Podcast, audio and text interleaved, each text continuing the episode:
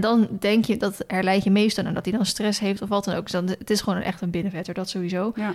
Dus dan vraag je je af, ja, vindt hij het dan eigenlijk wel Ja, zo en leuk? dat is, dat is echt super lastig. Ik weet het niet. Ik denk wel, wij hebben heel vaak het idee... oh, paard wat met zijn oren naar voren loopt, voren loopt is blij.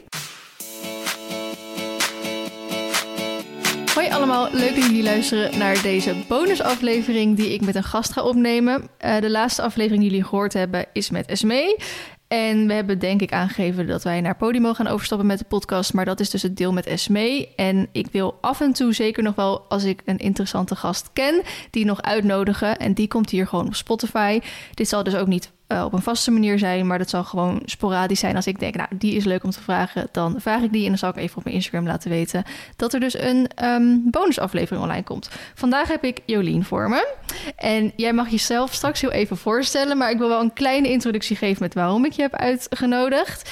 Ehm, als je, nou goed, de podcast luistert, dan ken je dit verhaal al. Ik heb een, voor de luisteraar nu ongeveer een maand geleden, voor mij nou ongeveer één à twee weken geleden, wat ehm, ja, kritiek, negativiteit, hoe zeg ik het, over me heen gekregen over hoe eh, Nacho uit zijn eh, gezicht keek, laat ik het zo zeggen, het, het painface.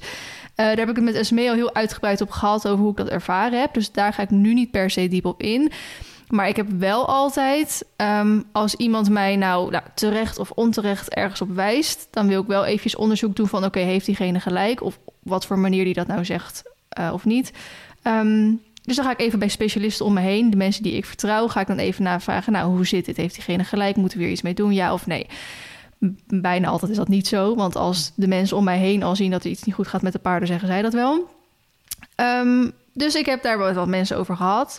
En eh, hè, omdat het woord painface daarin voorkwam, dat is een, ja, in mijn ogen een soort trend tegenwoordig, Mhm. dat we die eh, benamingen gebruiken, omdat het steeds meer eh, voorkomt.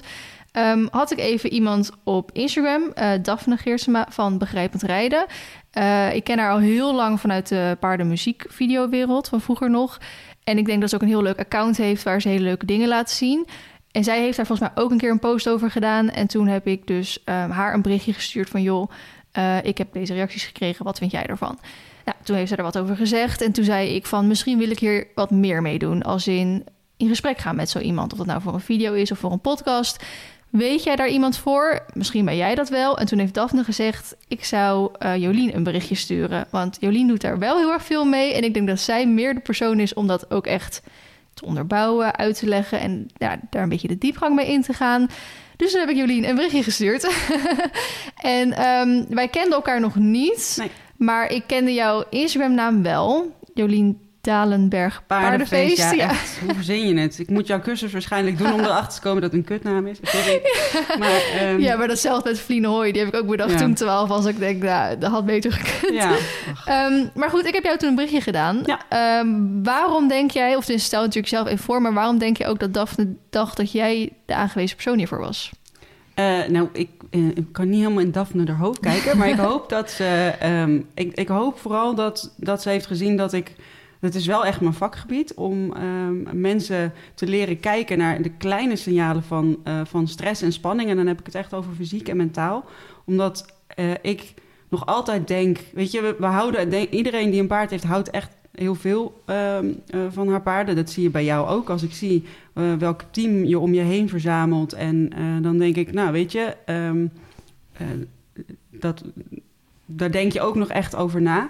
Dus er is niks vervelenders, en dat heb ik zelf ook meegemaakt, als je een paard hebt wat op een gegeven moment stuk gaat of wat probleemgedrag, ik doe het even tussen aanhalingstekens, maar dat ziet niemand, Ehm, maar probleemgedrag gaat eh, laten zien. Want ja, dat betekent toch uiteindelijk dat je paard ongemak heeft of pijn. En de meeste mensen willen dat gewoon niet. Ehm, alhoewel het soms wel lastig is om dan je eigen... Soms moet je dan, eh, denk ik, je eigen eh, wensen misschien een beetje aan de kant zetten. Maar dat, dat is dan een, een lastig... En daar hadden we het net ook al even over een ethisch ding. Maar ik hoop dat eh Daphne vooral gezien heeft dat ik daar vrij... ehm, genuanceerd ook over ben. Dus ik zal ook niet zomaar zeggen, dit is de waarheid. En ja. Ehm, eh, ik heb me er echt heel erg in verdiept. Ik heb zowel eh, fysieke kennis van het lijf, maar ook kennis van eh, gedrag eh, en emoties. En ik probeer die twee heel erg samen te koppelen. En ik denk dat dat een combinatie is die je ook niet heel vaak ziet. Ehm, dus Misschien daarom, hoop ik, denk ik. Ja, precies. Als, uh, we gaan straks even de diepgang in Mhm. over uh, nou, alles wat we vandaag gaan bespreken. Um, maar ik wil eerst de kijker, of nou, ik ben zo gewend om kijker te zeggen, om de, na vier jaar podcast nog steeds niet gewend om luisteraar te zeggen, um, jou iets beter leren kennen. Mhm. Uh, waar kom jij vandaan? Als in even ook, uh, hoe heet dat? Uh, archeologisch wilde ik zeggen, maar geografisch. Geografisch. in Nederland. ik, eh, ik ben opgegroeid in Den Helder. Ik vind het nog altijd rot nu in Utrecht dat ik gewoon echt een uur in de auto moet zitten om op het strand te zitten. Want ik lunchte gewoon echt als klein meisje op het strand. Oh ja. Ja, dan werd ik gehaald van school, broodje erin en weer terug naar school. dus um, daar ben ik ooit opgegroeid. En um, Hoezo ben je in Utrecht terechtgekomen? Uh, nou, ik ging, ik ging studeren, film- en televisiewetenschappen. Ik denk dat niemand weet wat het is. ja, ze zeiden daar wel eens, uh, als je niet weet wat je gaat, uh, wil gaan studeren... dan ga je of rechten studeren of dit. Nou, rechten vond ik niet zo heel erg inspirerend. en ik vond op, op de een of andere manier de magie van het tv en theater heel leuk. Dus toen ben ik dat gaan studeren. Uiteindelijk... Nou, ik heb gedaan. er zeven jaar over gedaan. Ik het duurde even voordat ik mijn studententijd ontdekte. um, dus ja, uiteindelijk net op tijd afgerond, zodat ik niet alles terug hoefde te betalen. Mm. Um, nou ja, inderdaad, niks mee gedaan. Het is heel theoretisch. Achteraf echt, als ik nog een keer zou kunnen kiezen, denk ik dat ik dierfysiotherapie, of eerst fysiotherapie en dan dierfysiotherapie, uh, mm -hmm. hallo, dierenfysiotherapie uh, had uh, willen doen. Maar goed, ja, weet je, dat zijn, dat is een koe in zijn kont kijken. Dat, ja, ja, precies. Maar om die reden ben je in Utrecht gekomen ja. voor het studeren? Ja, ik kon okay. dat in Amsterdam doen. Nou, Amsterdam vond ik echt heel eng. Dat vond ik veel te groot en veel te massaal. En ik ben, mm. oh, ik ben echt, ja, ik ben 41, helemaal niet zo super oud, maar ik voel me af en toe echt nou, niet meer twintig. um, dus ik vind het allemaal al snel veel en vol en druk. En uh, Utrecht was iets... Het is een beetje een groot dorp of zo. Ja, precies. Met die grachtjes en oh, ja. uh, weet je, het is, het is, uh, dus toen ging ik naar Utrecht. Okay, um, daar ben je blijven hangen? Ja, daar ben ik een soort van blijven hangen. Ja, ik zou op zich wel heel graag wat meer zeg maar naar het oosten willen. Mm -hmm. Maar ja, dat, ja, dat is een lange termijn planning, zeg Ja, maar. precies. Oké. Okay. En hoe ben je dan in de paarden terechtgekomen?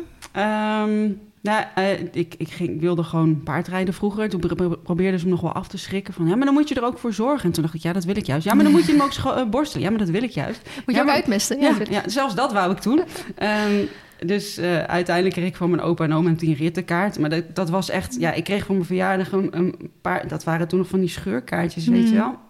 Sorry. En... Um, en ja, dan ben je negen en dan sta je naar die briefjes te kijken en denk je, ja, Oké. Okay. ik wilde een pony hebben. Maar, het, maar, ik vond het echt heel erg leuk. Maar mijn opa en oma hadden echt zoiets van, vindt het wel echt leuk? Ja, ik, ben, ik vond het fantastisch. Mm -hmm. Dus, en ik wilde ook heel graag... Ja, een beetje Penny natuurlijk, dat die ponies mij dan heel leuk vonden en zo. En ik ging ze toen al een beetje masseren, omdat ik dacht, ja, ze werken zo hard voor mij. Een beetje Nou. sentimentele dwaas. Maar uh, ja, dus, dat, uh, uh, dus zo ben ik eigenlijk ooit begonnen, echt op de manege. Mm -hmm. En toen was ik al wel geïnteresseerd. Toen las ik al eens iets over uh, veulens opvoeden en uh, desensibiliseren. Oh, ik haal die dingen altijd door elkaar. Maar ze zeg maar uh, een zak in de stal hangen... zodat ze niet meer bang waren voor um, dingen om hun hoofd. Ja, nu Monty Roberts, dat zijn echt dingen waarvan ik nu denk... Hmm, is niet helemaal meer mijn stijl. Maar ik was al wel heel erg geïnteresseerd... en kan het ook anders dan wat ik op de manege leer. Ja. Dus dat, um, nou, dat deed ik toen eigenlijk al. Ja, maar daar was... Het was toen inderdaad nog niet echt een ding. Nu kan je echt heel erg op social media en internet Ja. allemaal alles erover opzoeken Ja. en je aansluiten bij hetgene waar, wat jij Ja. denkt dat goed is. Maar dat was vroeger nog niet helemaal iets. Ik weet, ja, jij bent dan nog wat ouder dan ik ben, maar ik weet nog dat Parelli Ja. dan net opkwam en dat gingen we dan ook maar gewoon even soort van proberen voor de Ja. fun of zo. En, Maar bizar. En dat deed ik dus ook later. En het werkt ook nog. En, en tenminste, het werkt voor de mens. Dat zeg ik altijd. Is het voor jou leuk of voor het paard leuk? Nou, daar kun je dan weer een ander gesprek over voeren. Ehm, eh, en ik wil niemand voor het hoofd stoten hoor. Dus als je het eh, nou, aan Parelli doet, weet je, ehm, ieder heeft zijn eigen weg. Het is niet de mijne meer. Maar het Mhm. was wel, dat heeft wel een soort van de deuren geopend om anders te gaan kijken. Dus dat was wel, eh, dat deden ze bij ons op de manege ook. En dan dachten we, wat doen die mensen? oh, en ze komen naar hen toe. En dat is, nou ja, dus Ja. ik was helemaal, eh, ja. Kan je je op de dag van vandaag ergens wel bij aansluiten? Of heb je ook zoiets van, ik pik bij alles een, een graadje mee en dan Mm. daar maak ik mijn eigen iets van? Ik denk dat iedereen sowieso wel, ehm, ik heb wel, ik voel me het meeste thuis bij de R-plus-wereld. Mhm. Eh, en dus positieve bekrachting en het liefst force-free. Dus dat je ook nog... ehm, eh, dus ik in plaats van pressure en pressure release... wat heel erg gebruikelijk is in de paardenwereld... eh, doe ik liever, eh, probeer ik mijn paard ergens naartoe te laten bewegen. En als hij dan in de richting gaat, dan klik ik en dan eh, krijgt hij wat. Maar ik zorg ook altijd dat eten vrij beschikbaar is, omdat ik wil voorkomen. Hè, kijk, met een zweep kun je een paard dwingen en over grenzen laten gaan, maar dat kun je met voer ook. Mhm. Eh, en, en voor mij zijn met name de emoties die een paard ervaart, die vind ik heel interessant. Weet je, een paard de trailer in krijgen, dat is geen kunst voor mij. Eh, wel, als je goed kunt timen, dan kun je hem op zich de trailer in krijgen. Maar zorgen dat hij zich daar echt, echt oké voelt, Ja. dat is wel een andere tak van sport. En nou ja, Ja. daar hadden we het net ook al over. Het is wel altijd mijn interpretatie van waarvan ik denk dat het oké is. Ja. Hè? Want, ehm, ja, dus eh, ja, ik, ik lees en leer me zo goed mogelijk in over alles en probeer daar mijn eigen dingen te maken. Maar ja, ik, als ik dan wel moet kiezen, dan eh, voel ik me heel erg thuis in de R-wereld. En als ik kijk naar eh, trainingsmethodes, dan, dan haak ik heel erg aan op mensen als Mireille Den Hoed en Karin Leijbrand. Ja, oh ja. Teersa Hendricks is niet zo bekend, maar Teersa vind ik echt waanzinnig. Ik ehm, ben ook echt fan van equine studies. Ja, dit is een reclameblokje, jongens, sorry. Ehm equine studies, omdat ze, Savanje doet gewoon heel veel onderzoek naar... Uh, ken je Savanje toevallig? Nee, ik ken wel die andere twee die opnoemde. Maar... Ja, eh, en Teersa en Savanje werken heel erg veel samen. En wat Savanja doet, die heeft ooit van... Nou, de eh, eh, eh, vrouw, ze noemen haar ook de Bone Lady. Dat is een Australische, die maakt allemaal, pelt allemaal paarden open... als ze dood zijn, uiteraard. Mhm. Ehm, eh, om, om zo te ontdekken wat zo'n lijf verborgen houdt. En om zo een, een puzzelstukjes te kunnen vinden die je soms bij leven niet kunt vinden. En Savanja doet dat in, eh, in Nederland. Ehm, hij heeft heel veel paarden inmiddels opengehaald. En ja, daar leer ik ongelooflijk veel van. Omdat, ehm, ja, weet je hoe... En dat is niet om mensen bang te maken en jou ook niet. Want ik weet dat je heel erg goed eh, onderzoek hebt gedaan... en je hebt je paard echt laten keuren. Maar ik zeg altijd van ja, dat er niks gevonden is... zegt niet dat er Nee, nee, niks nee, nee, zit. nee, nee, absoluut. Ehm, en, en dat is het werk wat ze van je heel erg laat zien. Dus zo haal ik wel, ja, ik haal dus wel van verschillende dingen ehm, eh, bij elkaar. En je- uiteindelijk maak je daar toch je eigen mix van. Ja, precies. Maar zeker over dat keuren. Het is natuurlijk geen, eh, ja, hoe zeg je dat? Uitsluitsel dat hij niks heeft of zo. Want hij kan nog op miljoen andere vlakken kan hij nog wat hebben. Of de volgende dag krijgen. Ja, ook dat. Dus dat eh, is meer inderdaad voor jezelf. Even dat je dat weet dat dat in ieder geval goed is op dat moment. Ehm, een hele hoop, denk ik. Mhm. Wat jij hebt meegemaakt, wat je hebt gezien, wat je, wat je doet. Als je omschrijft met wat jij, waar jij je mee in het dagelijks leven bezighoudt. Ja, en wat ik, ik zei net al, ik, eh, wat ik le- mensen leer is eigenlijk ehm, blessures en probleemgedrag te voorkomen. In de praktijk komt het erop neer dat ik acht van de tien keer bij een paard kom waar het al wel geëscaleerd is.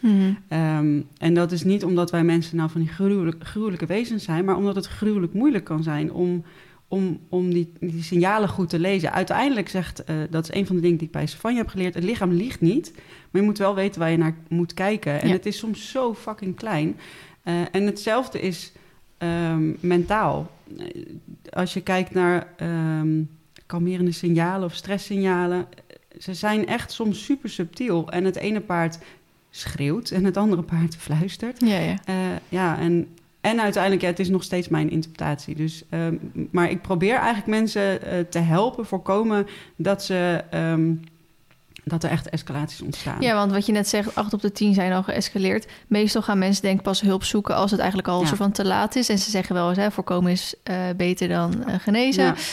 Ehm, maar het is inderdaad heel moeilijk, denk ik, zoals je inderdaad zegt, om ja, Ja. die stap te nemen. Of Het is ook, en ik denk ook, en dan ga ik heel breed en filosofisch, maar we zitten natuurlijk ook wel in een maatschappij waarin alles maakbaar is. Alles is 24-7. Als jij eh, nu is, nou ja, de post is nu wat trager vanwege, maar normaal gesproken, eh, gisteren besteld, vandaag in huis, bij wijze Ja. van spreken. En ehm, ik weet niet hoe het met jou is, maar ik leerde echt ook nog op de manege. Hij moet luisteren en eh, jij bent de baas. En als je kijkt naar hoe we kinderen eigenlijk al in een malletje proberen te proppen. We hebben een vrij, vind ik, eenzijdig school. Ik zei, ik, ik dwaal af, hè, maar het komt vanzelf ja, ja, weer goed. Is goed, goed. Maar we hebben een heel eenzijdig schoolsysteem. Als Ja. jij toevallig goed kunt leren... Ik had een mazzel dat ik goed uit mijn hoofd kon leren. Maar als je dat niet kunt en je bent heel creatief met je handen... Ja, dat talent ontdek je niet eens. Want je haalt steeds maar net een, een, een zes op school. Omdat je, ehm, dus we zijn heel erg afgesneden van onze eigen intuïtie. En ik denk dat je... Hè, je hebt een hoofdwijsheid, omdat je dingen kunt bedenken en beredeneren. Daar zijn mensen beter in dan paarden. Dan denk ik altijd, dan moeten wij er dus ook goed inzetten. Als ik weet dat, ik, uh, dat op donderdag het vuilnis opgehaald wordt en mijn paard vindt um, vuilniswagens eng, dan ga ik natuurlijk niet op donderdag een buitenrit maken. Dat, zo denk ik dan, want ik heb mhm. dat brein wat dat kan. um, uh, ja, zie je, nou raak ik zelf ook mijn verhaal kwijt. maar in ieder geval, um, uh, het, het, en we zijn ook heel erg opgevoed met hij moet luisteren en hè, het is paardrijden. Er heeft ooit iemand letterlijk tegen mij gezegd van... Jo, Jolien, het heet wel paardrijden, hè? We hebben ze niet voor de sier. Hmm. En denk ik, eigenlijk is het best wel gek dat dat... In mijn ogen, zoals ik er nu naar kijk, dan denk ik... oh, het is een bonus en niet een vanzelfsprekendheid... om op, een, op de rug van een paard te zitten. Nee, ik zeg ook laatst tijd sinds ik aan huis heb... paarden houden en paardrijden zijn gewoon twee hele aparte dingen. Ja. ja, het zijn twee aparte hobby's, twee aparte... ja, misschien wel sporten kan je bijna noemen. ja. ja. Maar om even in te gaan, want ik vond het wel interessant dat je zei over hè, de manege leerde je vroeger uh, dit en dit. Um, als ik bijvoorbeeld kijk, want ik denk, ik weet, ik vraag me, eh, open mhm. discussie. Ja. Um, is het niet de bedoeling, of de bedoeling, handig, hoe, hoe je het ook wil noemen, om wel even een paar afspraken met je paard te maken? Hè? Bijvoorbeeld, ik zeg maar even wat uit je ruimte blijven of dit of dat. Um, maar ook dingetjes, en dat ligt dan weer aan hoe je het doet, op een poetsplaats, uh, daar tussen aanhalingstekens, ja. hoor je stil te staan. En dan hebben we het even niet over het learned helplessness. Uh-huh. Uh, want ik had laatst met iemand een gesprek, echt totaal niks met paarden te maken. Maar die uh, hadden kennissen. En die kennissen die voeden hun kinderen heel erg zonder regels op. Mm-hmm. En dat uh, ging zo ver dat ze dus eigenlijk nooit ze corrigeerden als ze iets deden. Want het was van ze, ze mogen dat helemaal uitzoeken en ze nou, zijn helemaal open en bla bla. En dat ging zo ver dat die kennissen dus niet meer wilden dat die kinderen bij hun over de vloer kwamen. Want ze tekenden nog steeds, oh, terwijl ze 15 waren, op de muren. Ze hebben letterlijk gewoon een keer een gat in de muur gemaakt... omdat ze dachten, ja, dat is een shortcut naar de keuken. En dan denk ik, ja, uh, nu, ik weet niet of ik dit moet vergelijken met, met afspraken die je met je paard maken... maar ik denk er zijn toch op zekere hoogte, denk een bepaald soort afspraken die je dus ja, ja dus ja, ze weer moet maken. Ja, ik snap wat je bedoelt. En, en daarin is het ook weer een soort van ethisch vraagstuk van... ik denk wel dat het goed is, je neemt je paard mee in een, mensen, een mensenwereld. Mhm. Ik denk wel dat het goed is om af te stemmen... Uh, in hoeverre jouw paard in staat is om die mensenwereld al te snappen. En weet je, ik zie het... Um, uh, stress op zich vind ik niet erg, maar wat ik heel vaak zie... is dat mensen uh, dat hun paard niet in staat is om het te reguleren. Dus dan blijven ze eigenlijk uh, te hoog in hun spanning zitten. En dat herkennen we niet altijd. Ik denk, daarin moet je ook begrenzen als mens. Dus als ik zie dat mijn paard... Ik, ik ben nu weer aan het oefenen met buitenlopen. Daar heb ik heel veel in fout gedaan... waardoor hij het heel eng vindt om van huis te gaan. wat ik vroeger niet herkende, maar nu denk ik... oeh, ja, dat is voor mij wel echt too much. En daar zou jij misschien denken, ah joh, kom even doorlopen. En hij mhm. raakt er vanzelf. Ik zeg ook niet dat dat, hè, sommige paarden raken er misschien wel aan gewend als je ze meeneemt. Maar als ik het dan heb over stilstaan op de poetsplaats, dan denk ik, ja, ik denk altijd vanuit het paard. What's in it for the horse? Je staat daar tussen twee touwen, misschien weg van je vriendjes. Met een beetje pech is het nog donker. dan denk ik, oké, maar dan snap ik dat je het daar niet heel leuk vindt. Dus dan pro ik probeer eigenlijk, dat is dus wat ik bedoelde met, ik kan vooruitdenken, ik kan ook begrijpen hoe het dan voor hem is. Mhm. Ik zou mijn paard, als de, als de bekapper komt, dan zet ik eigenlijk altijd gewoon een kruiwagen hooi voor zijn snuffert. Mhm. Dan heeft hij er ook wat aan. Maar gewoon alleen maar stilstaan is echt uber saai voor een paard. Ja. Maar is dat dan niet bijvoorbeeld iets Um, als ik het weer toepas bij de mensen, soort van dat hoort erbij. Want bijvoorbeeld, ik vind ook niet alles leuk in het leven. Mhm. Ik vind mijn boekhouding doen. Ik moest laatst uh, mijn kwartaalaangifte doen. Ik moest echt janken.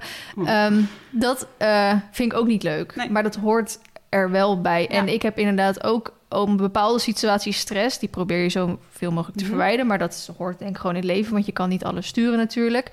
In, wel belangrijk dat je daar weer uitkomt. Op wat voor manier voor jou dan ook geldt. Uh, dus wat je zegt bij paard. Een paard mag ook stress uh, krijgen. Maar als die daar maar weer uitkomt, ja. dan dat is dan wel belangrijk. Ja, nou ja, dat is, dat is waar je ook voor jezelf die grens legt. Kijk, ik denk dan, nou, het is voor mij niet veel moeite om, uh, om, om daar een mandje hooi neer te leggen. Mhm. Ik denk ook dat wij vrij veel on, onbewust, ik denk dat we daar, daar was ik mezelf in ieder geval nooit bewust van, maar al heel veel bepalen voor paarden. De merrie mag niet kiezen wie eventueel een partner wordt. Ze mag niet kiezen waar ze opgroeit. Ze mag niet kiezen wanneer het veulen afgespeend wordt. Ze kan niet kiezen uh, over het algemeen. Eh, dus misschien heb jij wel, ken jij wel, want dat krijg ik altijd. Als ik dit soort dingen zeg, dan zijn er altijd mensen die zeggen... ja, maar bij mij wel. Ja, dat weet ik. Hartstikke goed. Props for you. Echt serieus. Niet cynisch bedoeld. Maar... Um, uh, het afspelen bemoeien wij ons mee. Als je kijkt dat in het wild uh, een veulentje echt nog tot soms een jaar troostslokjes neemt bij zijn moeder. Niet veel, maar als hij even iets spannend vond, even naar zijn moeder toe en even een trooststokje neemt, juist om dat zenuwstelsel te re reguleren, daar krijg je mentaal hele weerbare paarden van, um, die ook volwassen keuzes kunnen maken. En, en wat ik soms zie, de, en, en wat nogmaals, daar, waar leg je dan de grens? Ja, soms moeten dingen.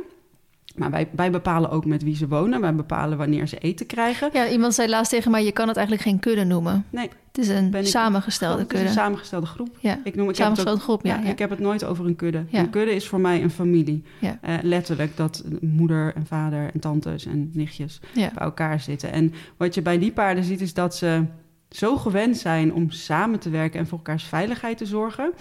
Uh, wat, wat wij in ons... Uh, wat wij zeg maar...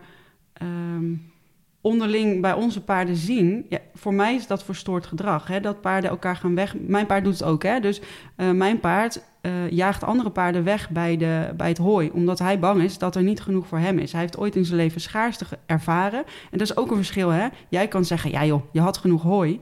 Dat was niet zo bij hem.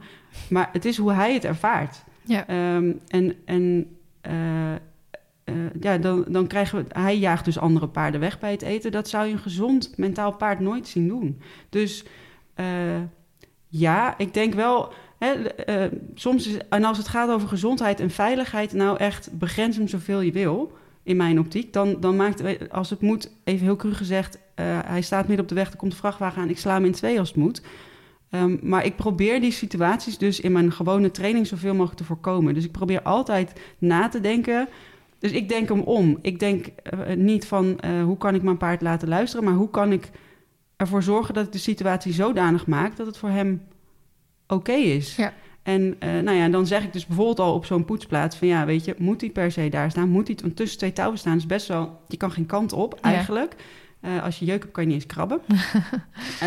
en het is heel simpel op te lossen door een mandje hooi voor te zetten voor heel veel paarden. Ja. Dus ja, zo, en, en nogmaals, ja, daar, daar maakt iedereen zijn eigen keuzes in. En ik zei, weet je, ik, volgens mij heb je het daar ook wel eens met Esmee over gehad. Van, um, ja, ik luister de podcast. Ja. Um, van, uh, zij had ook wensen en verlangens. En ja, dat is denk ik gewoon keuzes die je, die je maakt. En het is niet per se goed of fout, het zijn keuzes. En sommige dingen vind ik dan wel uh, niet zo wenselijk. Hè? Een paard 24-7 op stal zetten, wat ik ooit zelf gedaan heb, denk ik. Meh. Mm. Dus ja, ergens denk ik, ja, je moet ze wel begrenzen. Nee mag ook absoluut wel een antwoord zijn. Maar ik denk voor mij, en ik had, al, uh, uh, ik had je al gewaarschuwd, ik ben een watje. dus ik vind het ding al heel snel zielig. zielig. Of, ja. ja. ja, zielig of niet nodig. Of denk ik, ja, weet je. Ja.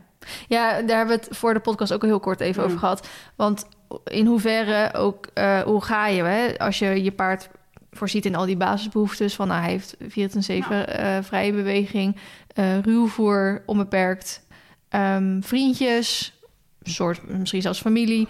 Um, je zorgt dat de gezondheid zeg maar helemaal top is en dat je eventueel ook een eerlijke training doet. Geeft dat jou een soort van het recht om dan bepaalde dingen van je paard te vragen? Ja, dat is een hele, dat is een interessante discussie. Ja. Uiteindelijk, als ik diep in mijn hart kijk, dan denk ik nee, voor mij nog steeds niet. Maar ik veroordeel niet per se mensen die dat wel doen. Hmm. Ik vind het wel moeilijk als mensen een paard de hele dag op stal hebben staan, uh, vier keer per dag eten en dan ook nog verwachten dat hij zijn rondje voor jou loopt. Hmm. Daar heb ik, vind ik persoonlijk lastig, omdat ik dan denk, hoe dan, dan, weet je, ook omdat ik zie hoeveel stress dat geeft. Ik, ik kom natuurlijk ook alleen maar bij de paarden waar vaak al stress is. Ja. En ik, nou, weet je, als je je basis, ik, ik, ik heb ooit een verhaal gehad, iemand had een opstapprobleem, maar dat paard stond op zich, die, die kwam van um, buiten met een vriendje, nooit verhuisd. Er was wel een licht opstapprobleem aanwezig, maar op zich prima. Die gingen verhuizen en um, stond, er waren wat misverstanden, waardoor dat paard ook nog eens heel veel binnen stond. En ze kon niet meer opstappen. En daarmee, weet je, waarschijnlijk was er fysiek ook wel iets aan de hand. Mhm. Maar op het moment dat het mentaal beter gaat met dat paard, kan hij dat ook wel beter handelen. Ja, maar nu gaan we heel even een side sprongje maken. Ehm, ik denk dat heel veel mensen die willen ook wel hun paard op die manier houden. Mhm. Maar het kan gewoon niet. Nee. Omdat er gewoon een schaarste, denk ik, is in op die manier je paard kunnen houden. Ben je dan egoïstisch om je paard wel op zo'n stal te zetten? Of Nou, hoe... ik ja, denk altijd, weet je, kijk wat je in de situatie zoals die nu is wel kunt doen. Dat ten eerste. Eh, weet je, ik, mijn paard staat nu 40 minuten van huis met nul voorzieningen. Ik hoef ook niet te rijden, dus ik heb wat dat betreft makkelijk praten. Ehm, het is altijd een beetje een afweging. Hè? Wat doe je voor jezelf, wat doe je voor je paard? Ik denk wel, ook stel dat je zegt ik wil het heel graag. Op het moment, want dat zie je wel, er komt steeds meer vraag naar. Dus er komt ook meer aanbod. Ja. En op het moment dat jij denkt, oh ik vind het wel best. Hè, het, is, het is een beetje de vraag, gebruik je het als excuus?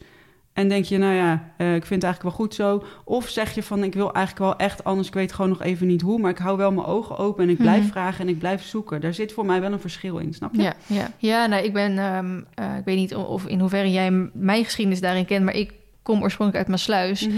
en ik heb Marley daar gehouden. En ik stond echt van, of ik ga hem nu verkopen, want het gaat gewoon niet op de manier zoals ik het nu zou willen. Of eh, ik ga hem 2,5 uur verderop zetten Ja. met de trein dan wel eh, dik een uur met de auto. Omdat ik dan hoop dat hij het daar wel goed gaat krijgen. En dan accepteer ik maar dat ik zo ver moet rijden Ja. en maar drie keer in de week daar naartoe kan gaan. Ja. Maar ik ben me ook heel erg van bewust dat dat voor heel veel mensen niet Nee, dat, Kan, is, dat, is, dat is ook zo. En dat is ook, ja, weet je, je zit met werk, met school, studie. ehm, Financieel. Dus, financieel. Dus het is, weet je, het is nooit maar één ding. En dat maakt ook, daarom zeg ik ook, ik zal het ook niet zomaar veroordelen. Ehm, ik, maar nogmaals, ik zeg wel altijd, weet je, kijk wat je dan wel kunt doen. Er is altijd iets wat je kunt verbeteren aan de huisvesting van, van je paard. Al is het maar dat je bijvoorbeeld naast je het hooi op de grond, eh, een als het mag, een hooinetje hoog ophangt. Omdat je dan wat persevisio kunt aanbieden. Of zorg dan dat je misschien wat kruiden kunt verstoppen in die stal. Of eh, kijk op zijn minst of die naast een paard staat waar die oké mee is. Want hoe Hmm. vaak ik niet paarden zie die de hele dag bang, bang tegen Ja. die schotten. Dan denk ik, maar waarom verplaats je hem niet? Ja, Waarom? Of, of, of hang de voerbak om. Dan, hè, dan heb je paarden hebben vaak op stal al wat meer stress. Niet alleen op stal trouwens, maar hebben vaak al wat meer stress over eten. Mhm. Maar dan zitten die voerbakken naast elkaar. Why? Zet dat, doe dat. Verplaats één voerbak. Weet je, zo moeilijk soort- is het niet. Nee, het kan ook aan hele kleine dingen al, al eh, zitten. En, en pas je verwachtingen dan een beetje aan. Hè? Als jij een paard hebt wat daar spanning... Want ik denk hoe verder een paard afstaat van zijn natuurlijke leven... hoe groter het risico is op verstoord gedrag. Ik zeg niet dat het per se dan echt moet ontstaan... maar ik zie het natuurlijk in mijn werk wel heel veel... Maar pas je verwachtingen dan aan. Hè? Als, je dan, als het dan ook nog eens waait en je weet dat je paard al wat hoger in zijn stress zit, ga dan niet op die buitenrit. Ga wat Mhm. anders doen. Ja. Dat. dat, duidelijk. Ehm, we wilden dus nog wat even verder de diepgang. We hebben sowieso denk ik al een, een stuk diepgang gehad hoor. Maar eh, ik, ik vroeg aan jou van hoe gaan we dit onderverdelen? Ehm, Soms doe ik het aan de hand van Instagram vragen en dan gaan we echt alle kanten op. Maar ik dacht misschien is het handig om nu wel een soort structuur aan te brengen. Eh, we hadden bedacht om dat eventueel vanuit een stukje fokkerij Mhm. naar eh, nou, veulen of iets wat daar dan nog tussen zit. Ja. Een stukje opfok, stukje nou, wat na de opfok gaat gebeuren. Trainen van een jong paard, ouder paard tot eventueel pensioenpaard. Dat we hem zo een beetje gaan oppakken. Ja. Dus wat gaan we vertellen over de fokkerij? Ja, en dat is wederom, dat is eigenlijk wel weer een, een heet hangijzer. Want weet je, ik, ik denk nog steeds dat mensen ooit beginnen met zoiets, nogmaals, uit liefde en uit passie. Dus dit is, nogmaals, dit is echt niet bedoeld om mensen voor hun hoofd te stoten. Maar als ik dan kijk naar evolutie, heeft het 60 miljoen jaar gekost voor waarvoor dat, eh, dat heet Eohippus. Dat was een klein vosachtig paardje. Mm, mm, Ik weet niet, heb je het wel eens gezien? Mhm. Ja, dat leek niet op wat jij hier in de, eh, op de trek hebt, eh, op, hebt staan. Dat heeft 60 miljoen jaar geduurd. En elke keer heeft dat paardachtige wezentje zich aangepast aan de omstandigheden die er waren. 60 miljoen jaar. Toen kwam de mens, toen dacht hij, hm, we gaan er eerst vlees van maken. Toen dachten ze, ja maar ho even. Als we ze nou eh, vangen en temmen, eh, dan kunnen we erop zitten. En dan kunnen we ze gebruiken om afstanden mee af te leggen, om de ploeg te trekken, om mee te helpen in oorlog. Eh, en het proces van domesticatie heeft maar 6000 jaar genoemd. Dus dan zie je al dat daar zes- 60 miljoen jaar of 6000 jaar, dat verschilt Mhm. nogal wat. Eh, en toen is de mens zich ermee gaan bemoeien. Vroeger hadden paarden nog een functie, oorlog, ploegtrekken. Uh, maar tegenwoordig is het natuurlijk steeds meer plezier en recreatie geworden. Uh, en heel veel mensen willen ook een soort.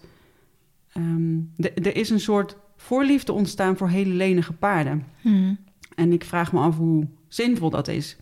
Mijn, mijn uh, uh, normaal of ideaal, dat zijn de primitieve paardjes zoals de Konings. Die zijn super stabiel. Ik vertelde je al, wij hebben er uh, in de loop van de tijd ook wat dingetjes uitgefokt. In de hals, in de rug, waardoor ons moderne paard minder stabiel is. Maar minder stabiel is ook minder veilig. Want als jij super lenig bent, ik weet niet of je toevallig onder je luisteraars mensen hebt die hypermobiel zijn, maar dat is niet heel prettig. Um, dus daarmee zetten we denk ik uh, en, en we zijn dat hele, je ziet dat die paarden heel erg in een evenwichtsmodel staan. Ja, dat, dat zijn we wel een beetje verloren met uh, 1,70 groot en heel lang. ja, no offense, want ik heb hem net gezien. Het is echt een schatje. um, en het zijn niet, weet je, ze zijn dan niet gelijk ten dode opgeschreven, maar we hebben inmiddels meer dan 500 rassen. Dat is echt fucking veel. Mhm. Dat was vroeger echt niet zo. Uh, dus daarin hebben we ons al heel. Dat is ook wel wat ik net zei. We denken dat alles maakbaar is. Ja, dat, dat zie je dus in het fokken ook al. Dat we denken dat ja, we alles kunnen maken. Ja, ik denk dat dat. Um, ik vind het leuk dat je een stukje geschiedenis vertelt. Ik denk dat het heel leerzaam is. Uh, maar ik denk dat het wel een soort algemeen bekend is dat, dat uh, we met het fokken wel een bepaalde richting op gaan. die we misschien niet helemaal op moeten gaan. Omdat Ja. het inderdaad alleen maar leniger, leniger, leniger is. Want daar komen dus al ook alleen maar blessuregevoelige paarden vandaan. Exact, exact. En wat je ook ziet is dat er echt genetische... We zijn er echt genetische dingen in gaan fokken. Zeker als we kijken naar het KWPM-paard. Heb je ooit gehoord van ECVM? Nee, volgens mij niet. Oké, dat, dat staat voor... eh, ik, ga het niet, ik ga het niet eens vertalen. Maar het is, een, het is een misvorming aan de halswervels. Die is echt genetisch. Dus die wordt doorgegeven eh, door zowel vader als moeder. Ehm, en die misvorming in de halswervels zorgt ervoor... dat nou, spieren niet goed aan kunnen hechten. Maar eh, ehm, zo'n paard is dus... Hè, we hebben het altijd over, hij moet recht. Een paard waarbij de halswervels misvormd zijn... die krijg je nooit meer recht. Eh, en dan uh, de bezenuwing loopt daardoor anders. Um, je ziet, het, het, heeft een, een, een, enorm effect um, van problemen. Uh, en het, is, het komt, geloof ik, voor. Moet ik even. Ik ben niet zo goed in cijfers, maar geloof dat één op de drie KWPN'ers dit heeft. En het wordt pas later ontdekt. Heel vaak zie je ook dat. Um, uh, paarden heel erg onvoorspelbaar zijn. Dat het heel lang. Ik heb denk, ik denk, ze is nooit erop uh, op getest, maar of nooit op de foto gezegd, gezet. Uh, maar ik denk dat ik ooit gewerkt heb met zo'n paard. En die was, kon heel lief en, en leuk zijn en ineens ontploffen. En je ziet vaak ook coördinatieproblemen. Heb je dat filmpje van Joe Huibrechts gezien of niet? Nee. Die heeft, had een paard gekocht, Ja. helemaal op de foto. Die neemt ze ook niet eerder mee voordat ze helemaal goed zijn. Ja. Um, en die bleek dus ook iets in de hals te hebben. Mhm. Ik weet dus totaal niet of dit hetzelfde is hoor, want daar heb ik te weinig verstand van. Bleek iets in de hals te hebben dat op bepaalde manieren als ze aan het eten was, gewoon in haar Ja. stal, dat dat getriggerd werd. En dan sloeg ze gewoon één keer zo bam achterover. Oh, heeft ze gewoon heel de staldeur eruit geklapt. Heftig. En uh, dat heeft ze toen laten onderzoeken. En toen bleek dat dus iets in de hals te zijn. En dat was dus ook iets wat nooit meer overging. Nou, dat was nog heel sneu verhaal van dat ze dan had gehoopt dat hij natuurlijk, want het beest heeft achterlijk veel geld gekost, Ja. weer terugkomt naar de verkoper. En die zei van, nou, op de foto is die goed en dan verkoop ik hem alweer aan iemand anders. Nou, dat wil zij natuurlijk niet zo'n paard aan doen, dus heeft zij de keuze gemaakt om in te laten slapen. Ja. Maar dat, dat Ja. deed me even denken aan jouw verhaal. Snap ik, want wat je bij, en het zou kunnen dat dit het is, hoor, dat weet ik niet. Wat, wat je heel vaak ziet op de foto. Het is heel grappig. Toen ik ooit begon met mijn studie, was het benen. Uh, keken ze alleen naar benen. Toen, uh, wat later, kwam de rug erbij. Want de rugfoto's is tegenwoordig ook vrij normaal. En nu ook de hals. Maar als je die malformatie op de foto wil zetten... dan moet je ze in een soort van rare houding zetten. Mm. Ik doe het voor, maar dat ziet niemand. Uh, en dan moet je ook echt, je dierenarts moet echt weten... Um, het heeft ook echt wel even geduurd voordat dierenartsen dit wilden erkennen... dat het überhaupt bestond. Mhm. Um, maar het kan dus ook zijn dat... Uh, um, een zenuw dwars door een spier heen gaat lopen. En elke keer als die spier aanknijpt, krijg je een zenuwirritatie. Dat is natuurlijk heel, heel irritant. Nou, en dan heb je ook dingen als PCSM, uh, um, equine, dat paarden zeg maar te dik worden. Het zijn allemaal genetische dingen die wij er gewoon in hebben gefokt. Dat hebben we natuurlijk nooit bedoeld. Dat, dat kan ik me niet voorstellen dat iemand dat bedacht heeft van... nou, laten we dat eens even lekker doen. maar ja, it did happen. Ja. Dus Ja, precies. Ehm, Oké, dus dat even over fokkerij. Dus dat over, fokkerij. dus ik denk dat we er heel goed aan zouden doen om echt uh, goed te kijken genetisch welke uh, risico's er zijn per ras. Uh, en of, of het paard dat bij zich draagt, voor zover je dat kunt onderzoeken. Ja. En dat we ook, dat we ook weer iets meer gaan fokken. Maar kan dat nog? Ja. Want als, als er geen functioneel meer bestaat, dan kan je ook niet meer functioneel fokken, denk ik. Want je hoort wel eens dat er met oud bloed wordt gefokt. En dan denk ik dat je dus weer een stukje een paard die misschien wel nog die functionaliteit had, weer even teruggebracht wordt. Maar op een gegeven moment is dat oude bloed ook mm -hmm. dood. Ja. En sperma is vergaan en weet ik het wat. Ja. Dus kan je op een gegeven moment nog wel functioneel fokken? Goeie vraag. Ik weet het niet. Ik heb geen idee. Maar goed, stel dat het niet kan, dan moeten we in ieder geval goed nadenken over wat we dan daarna met die paarden doen. Ja. Want dan weten we, oké, okay, uh, over het algemeen de paarden die ik zie, die zijn, super, die zijn vaak heel erg lenig. Um, soms hypermobiel. Um, dus dat is niet een off officiële... Bij mensen is hypermobiliteit echt een syndroom. Bij paarden is dat niet officieel gediagnosticeerd. Dus er is wat discussie over of het wel of niet bestaat. Maar goed, ja, ik denk, weet je, als zo'n paard zichzelf zo'n beetje een bloedneus kan slaan...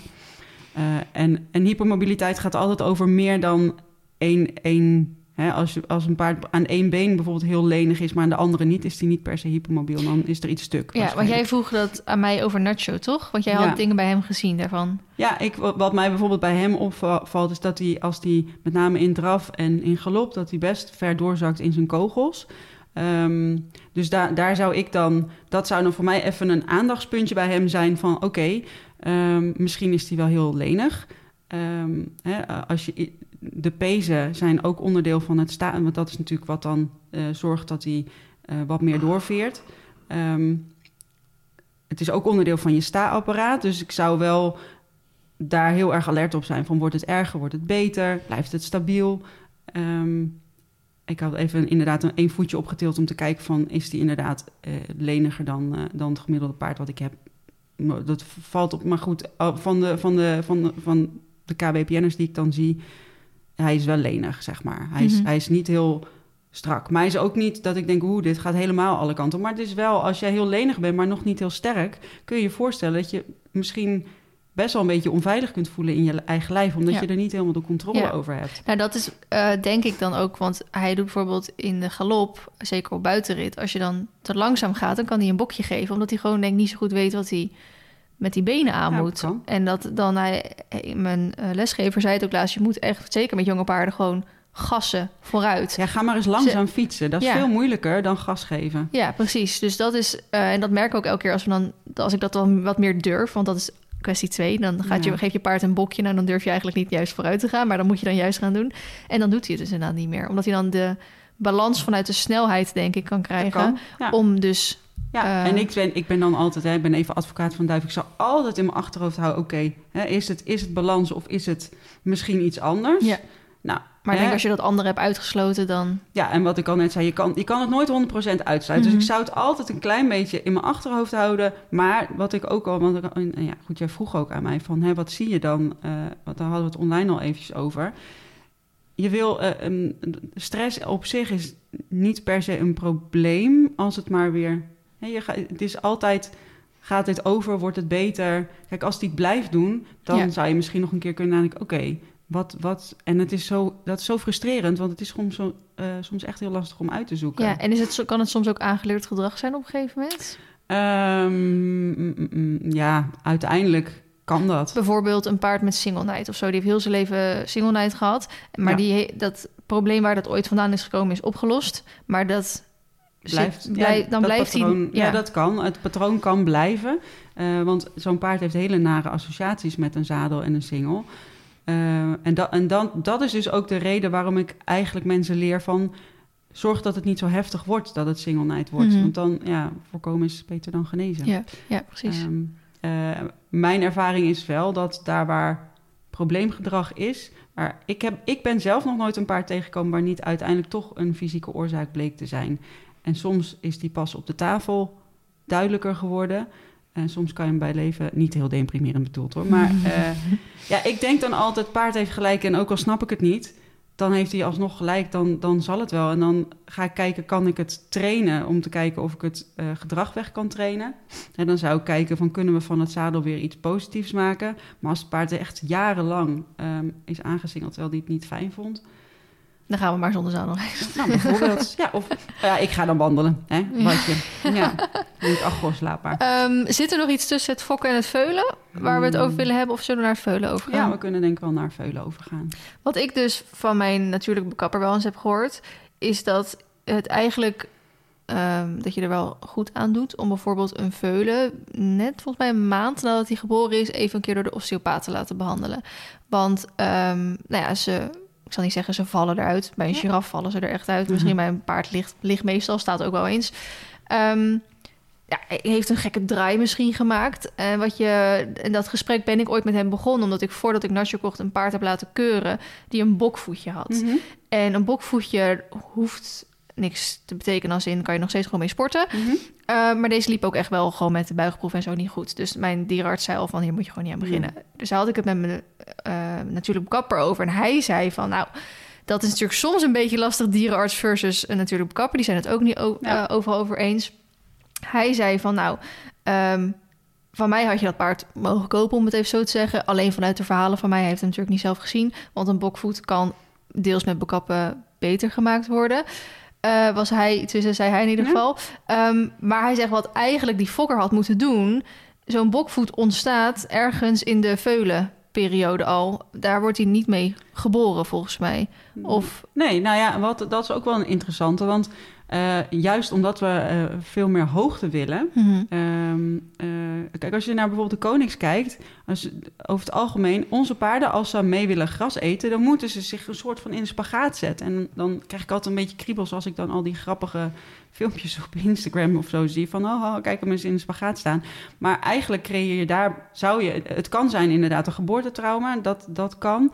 maar het kan ook zijn uh, omdat het veulentje gewoon niet zo goed bij het gras kan. Het kan ook zijn omdat de moeder... We gaan natuurlijk ook heel vaak fokken met een merrie die niet meer kan sporten. Dus dan gaan we er maar mee fokken. Maar de vraag is, wat, waar fok je dan mee? Uh, wat voor genen geef je door? Maar ook, ik heb wel eens een merrie gezien met een heel scheef bekken. Ja, als dat veulentje aan de ene kant of de andere kant moet drinken... daar wordt hij ook al scheef van. Want ze stond, ze stond echt helemaal scheef. Of misschien... Mm haal adem. Vindt het helemaal niet leuk. um, uh, vindt het helemaal niet fijn. Om, wil ze, aan de ene kant mag hij wel drinken, aan de andere kant niet. Um, dus daar krijg je, ja, dus eh, een keer uh, je paard na laten kijken kan zinvol zijn vanwege een geboortetrauma. Ja, ja, dus hij, ik weet niet meer exact wat hij zei, dus misschien zeg ik wel dingen die hij helemaal niet zei. Maar um, hij zei volgens mij, als je deze gewoon al vanaf een maand of zo al ja. een keer had behandeld, dan had hij waarschijnlijk nu niet op deze leeftijd zo gelopen. Kan, dat zou heel goed kunnen. En dan denk ik, had je dat veulentje, ik weet niet of het zo was hoor, maar ik, omdat ze een relatief lange benen en een korte nek hebben, dan zou ik ze het liefst laten grazen in hoog gras. Dan hoeven ze namelijk niet helemaal naar de grond. Dat zijn ook uh, uh, dingetjes. En dat is niet allemaal haalbaar. Hmm. Maar uh, um, ja, zo, zo denk ik dan daarover mee en na. Ja, precies. En ja. is er verder nog iets over veulens wat we... Um, ja, ik denk um, in het wild... Of vrij wild hebben we natuurlijk niet echt meer. Maar paarden die in vrijheid leven... daar zie je dat veulens echt nog op hoge leeftijd... een, een, een soort troostslokje kunnen halen bij hun moeder... Uh, nou, wat je soms ziet is dat onze gedomesticeerde merries ofwel helemaal leeggedronken worden of zat worden. Of, uh, of wij willen gewoon, hè, zeven maanden is wel goed. Hmm. Um, nou, zeven maanden is nog veel volgens mij. Eh, ja. Uh, voor, ze worden ook vaak met vijf of ja. misschien wel minder. En dan, ja. ik, dat heb ik wel echt de afgelopen weken, want nou, toen werd op een gegeven moment paarden veulens afgespeend dat er steeds meer naar voren kwam. Ik heb nu twee keer het bericht gelezen dat er een paard uh, veel goedkoper dan dat hij eigenlijk qua afstamming waard mm -hmm. was te koop werd gezet. En dan ga je natuurlijk even lezen, wat is dat dan? En daar stond dan tot twee keer toe bij is te vroeg afgespeend bij de moeder. Dus uh, doet nu luchtzuigen volgens mij of, of iets ja. in die richting. Dat ik echt denk van hoezo moeten we onze paarden zo vroeg afspenen? Als het, kijk, soms is het misschien voor de merrie in kwestie ja. beter. Maar um, blijkbaar ga, ja, hebben ze toch echt op latere leeftijd, zeker niet allemaal, ja, gewoon uh, nee, het, ja, er iets het, daaraan over. Iets negatiefs daaraan over. Het, nee, en, en, nogmaals ook, want ik weet dat er ook uh, fokkers zijn die er heus echt goed over nadenken. Maar het risico laat ik het anders zeggen. Als je het in de natuur bekijkt en je laat de natuur zijn gang gaan, dan regelen moeder eh, en kind regelen dat samen. En juist af en toe een klein slokje bij stress bij je moeder kunnen drinken, dat geeft het zenuwstelsel zoveel veerkracht, omdat het een soort veiligheid is. Het is een beetje. Ik, vroeger was het, uh, is er een periode geweest dat mensen zeiden: je moet je kind uh, laat maar huilen, want als je het gaat troosten, dan verwen je het. Hmm. Maar tegenwoordig zijn we daar gelukkig helemaal van teruggekomen. Je ziet dat de mensen die. Um, dat zal ook niet voor allemaal gelden. Maar als jij als kind um, huilt. En waarschijnlijk staat je moeder aan de andere kant met een gebroken hart. Want er is niks tegen natuurlijkers om je kind wat je roept te laten liggen. Maar je ziet dat heel veel van die mensen uh, het risico lopen om hechtingsproblemen te hebben. Ja. Sneller gestrest zijn, paniekstoornissen ontwikkelen. Uh, en nou trek ik het heel breed. Hè. Dus ik zeg nogmaals niet dat dat per se zo is, maar het risico is er wel. En ik denk dat dat bij veulentjes ook. En dan krijg je een veulentje wat misschien zijn stress minder goed kan reguleren. Uh, of, of, sneller verlatingsangst ontwikkelt. Of nou, noem het allemaal maar op. En um, het is niet altijd te voorkomen, maar stel dat we er wel iets, stel dat we wel keuze hebben, dan zou ik zeggen: probeer het zo lang mogelijk gewoon lekker bij zijn moeder te laten lopen. Ja. En, uh, en, en wat je in het wild ook ziet, is dat Eerst is de moeder heel beschermend om het veulentje heen. En langzaamaan mag iedereen er steeds meer interactie mee hebben. En zo'n veulentje moet echt leren wat familietaal is. En ja, wij willen er misschien soms ook al te snel iets mee. Moet aan een halstertje wennen en dat soort dingen. Terwijl als je het de tijd geeft en hij staat naast zijn moeder... en zijn moeder is een veilig... Want dat is natuurlijk ook, hè, de meeste merries zijn ook een soort van... ja, toch sociaal niet zo sterk als ze in het beeld zouden zijn. Um, maar staat hij naast de moeder uh, en, dan, en hij voelt zich daar veilig, dan gaan dingen juist vanzelf, waar wij soms heel veel moeite voor moeten doen. Ja, ja. Dus. ja ik vind hem wel um, in, in dusverre lastig dat je aan de ene kant denk ik van, zoals je het net omschrijft, uh, dat is denk ik hoe we het het liefst willen zien. Ja. Maar ik weet bijvoorbeeld ook, die uh, actie hier staat, die heeft als veulen twee keer ernstige zandkoliek gehad. En de eerste keer um, moest echt met vijf man de trailer opgeduwd worden. Want die moest naar de kliniek, want die moest uh, daar opgenomen worden. En wat was wel afgespeeld volgens mij toen. En uh, de tweede keer toen ze zandkoliek kreeg, nou, die ging echt niet meer de trailer op. Ook niet meer met vijf man. En dan spraak je een soort van over een... Ze was elf maanden oud toen. Nou, dat is dat nog geen 500 kilo, zeg maar. En dan toch niet met vijf man het erop krijgen. En dan denk ik van... Uh, dan moet, moet tussen aanhalingstekens weer moeten we toch uh, op jonge leeftijd die paarden al leren om op een trailer te lopen, om mee te lopen, om eigenlijk meer voor als het nodig is. En dat hoeft gelukkig niet mm. vaak. Maar als hij dan toch een keer uh, met spoed naar de kliniek moet, om wat dan ook, dat het dan wel kan. Ja, ja en dat is ook, hè, en mijn ideaal zou dan zijn: zorg dat je merrie hebt die geen punten uh, maakt van de trailer. En laat hem gewoon met mama steeds meelopen. Mm -hmm. uh, maar goed, hè, ja, dan is het ook weer het lullige is, de eerste ervaring maakt een soort blauwdruk. Ja. En um, die blijft gewoon zitten. Dus uh, die kun je op zich vaak wel neutraliseren. Maar het is lastig om een paard... Mijn paard heeft zijn eerste ervaring met trailer... Toen had hij een daklicht in de trailer... en die heeft hij eruit gekopt van stress. Ja, mijn paard vindt trailers niet leuk. Ik kan het op zijn minst neutraal krijgen... als ik echt goed zou, uh, mm -hmm. zou trainen. Dus ja, het, ik ben helemaal met je eens. Het zou goed zijn als... Uh, um, maar eigenlijk zou je dan al van tevoren wat met mama mee leuke rietjes of ergens gaan grazen of zo. Want het punt is, um, haar eerste ervaring met een trailer was dus echt heel ruk. Ja. ja, zij heeft echt, dat vind ik echt veel respect voor gehad. Ze heeft echt trailerlaat les gehad. Ja. Net zoals dat iemand anders dressuurspring, wat ja. dan ook les heeft. Zij heeft gewoon anderhalf jaar, gewoon bijna elke week trailerlaat les gehad. Ja. En dat is echt helemaal vanaf het begin begonnen. Zij ook met klikkertraining en zo, met dat een pionnetje aantikken, weet je wel dat. En dan elke keer dat pionnetje verder in de trailer. Ik weet niet hoe het precies is gegaan, maar um, de echt respect voor dat je zoveel moeite hebt gestopt om haar op een hele rustige ja. en gelukkig is het ook eigenlijk in die anderhalf jaar tijd niet echt nodig geweest dus om ja. in één keer die trailer op te krijgen.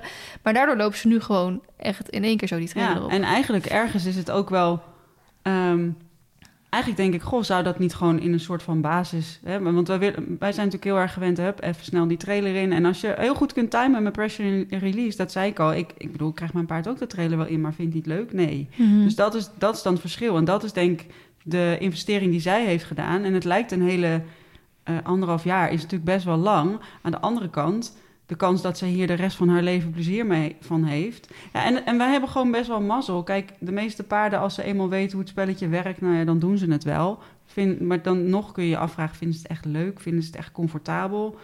Of gedogen ze het? Ja, Ja. ik weet het niet. Nee. Het een zal het er meer last van hebben dan, het ander, dan de ander. Ja, ik denk dat het sowieso heel lastig is om te zeggen. Want als ik daaraan denk, is bijvoorbeeld als ik op buitenrit ga met Marley, dan denk ik dat hij dat leuk vindt. Want hij vindt het ook leuk om hard te galopperen en Ja. dan lekker zo om zich heen kijken en zo. Maar hij mest ook honderd keer op buitenrit en ook natte mest. Ja. En dan denk je dat herleid je meestal aan dat hij dan stress heeft of wat dan ook. Dus dan, het is gewoon echt een binnenvetter, dat sowieso. Ja. Dus dan vraag je je af, ja, vindt hij het dan eigenlijk wel Ja, zo en leuk? dat, is, dat is echt super lastig. Ik weet het niet. Ik denk wel, wij hebben heel vaak het idee... oh, paard wat met zijn oren naar voren loopt, voren loopt is blij. Nou, meestal vinden ze dan juist iets. Meestal, zie- laten we zeggen iets. dat een paard wat zijn voor oren naar voren doet, die ziet iets. Ja, precies. En als hij dan zijn hoofd nog omhoog gaat doen, die ogen worden groot, die neusgaten worden groot...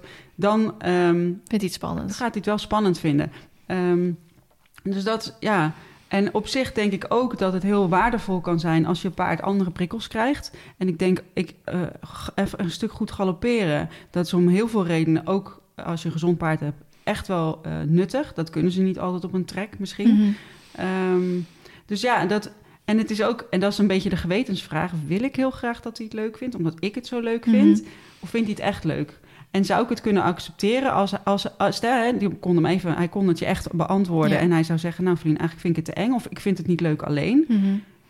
Dat is, nou, dat is eigenlijk je, dat is weer die ethische grens wat je, waar je dan eh, tegenaan loopt en waar Ja. je keuzes in maakt en waarin je zegt, nou weet je, oké, eh, ik zeg dan, oké, je vindt het niet leuk, we doen het niet. Jij zegt misschien, nou ja, weet je, ik heb alles goed voor je geregeld. Je staat 24/7 buiten. Je hebt, weet je, dit dingetje mag je dan voor mij doen. Mhm. Eh, hè, en, en het is nou ook weer niet zo dat hij eh, met vi- vier benen stijf staat en het nooit leuk. En het, is ook, het kan ook stukjes zijn die hij spannend vindt. Weet je, wij ruiken niet wat zij ruiken. Ik Ja. hoor niet wat mijn paard hoort. Ik zie niet wat hij ziet. Ik er- ervaar de wereld gewoon heel anders. Dus Ja. Ja, en, wat, ja, en daarin zeg ik dan heel snel, oké, ik doe het niet. Met het risico dat ik hem soms ook dingen ontneem. Ja. Eh, en jij zegt, doe het wel. Met het risico dat je hem misschien soms over zijn grenzen heen... Ja, ik denk eh, dat het wel go- goed is inderdaad. Daar word je natuurlijk steeds meer eh, bewust van om naar die kleine dingen te kijken. Want bijvoorbeeld hij, als ik met hem in mijn eentje op buitenrit ga, is hij bijvoorbeeld eerste half uur, of het is de eerste helft, laat ik het zo zeggen, super braaf. Oh, kan Mhm. je echt lang teugeltje, niks aan de hand. En dan die tweede helft, dan wordt hij ook een beetje wakker. Ik zeg het is een beetje een dieseltje, die moet even op gang komen. Nou, dan staat hij nog net niet te piaferen en zo. Maar dan hoeft er een bepaalde trigger te zijn, dan wil hij naar huis. Ja, En eh, die trigger is heel vaak bij hem blaffende honden. En hij is niet bang voor blaffende honden. Hij is ook niet bang voor honden. Maar als hij die honden in de verte hoort blaffen... dan denkt hij, dat denk ik, Ja. dat vul ik voor hem in... dat hij ergens bang voor is. En ik denk dat hij de, denkt... zo word ik ingewikkeld... dat zijn merries thuis dan misschien door die blaffende honden aangevallen kunnen worden. Terwijl als ik met iemand ben, of dat nou een Nacho, een Ax, een Suske is... dan heeft hij het totaal niet. Ja. Dan maakt het niet uit of er honden blaffen, dan is hij gewoon rustig. ja. Dan is hij prima. En het zou ook nog kunnen zijn dat hij misschien voor jou... Hè, dat, ik ben weer advocaat van de duivel. Maar het zou kunnen zijn dat hij in het begin toch al kleine spanningssignaaltjes geeft. Wat meer knippert met zijn ogen. Ehm, eh, eh, wat je zegt, hij is een binnenvetter. Dus misschien vult dat emmertje zich stiekem wel. En is, zo'n, is het ineens toch een trigger. Eh, is die hier bang van blaffende honden? Ik denk het niet. Nee, nee. Nee, dus, dus wat ik heel vaak zie is dat... dan zeggen mensen, ja, maar daar heeft hij thuis geen last van. Dus ergens zal die spanning Mhm. oplopen. En ja, zeg het maar, ik weet het niet. Ehm, en het kan ook zijn dat hij, dat hij toch een klein beetje verlatingsangst heeft. Ja, ja, dat heeft hij sowieso wel. Ja, en dan... ehm, dat is een van de emoties die het lastigste is voor een paard om mee te dealen, maar ook voor de mens. Want ja, het, ze zeggen wel eens dat het heel het kan voelen als eh, er geheim bij, of misschien zelfs als rouw, denken ze. Maar dat is natuurlijk een invulling. Mhm. Dus het is een lastige emotie om. eh, en vroeger leerden we dan, oh, zet hem maar gewoon even op stal in zijn eentje, dan leert hij het wel. Maar als ik dan de term learned helplessness mag gebruiken, dan krijg je wel, weet je, wat hij dan leert is, ehm, het maakt niet uit wat ik doe. Ik heb geen controle over die, deze situatie, ik geef het maar op. Ja. En, dan, en dan gaan ze in een soort van zenuwstelselstukje waarin ze, ja, eh, eigenlijk ze ademen nog wel, maar ze zijn een soort van weg. Ze zijn al Mhm. een soort van. En paarden kunnen dat in hun hele leven hebben. En ze kunnen ook bepaalde... Stel hè, dat je eh, een paard leert om tussen twee touwen te staan op de poetsplaats... en je zet hem daar gewoon neer en je negeert het geschraap en gedoe... dan kan het zijn dat een paard op een gegeven moment rustig stilstaat in jouw ogen. Maar het kan ook zijn dat hij het opgegeven heeft. Omdat Ja. hij denkt, ja, weet je, ik kan schrapen, ik kan gillen, ik kan roepen... ik krijg misschien hooguit een klap voor mijn kop als ik dat doe, even heel gechargeerd.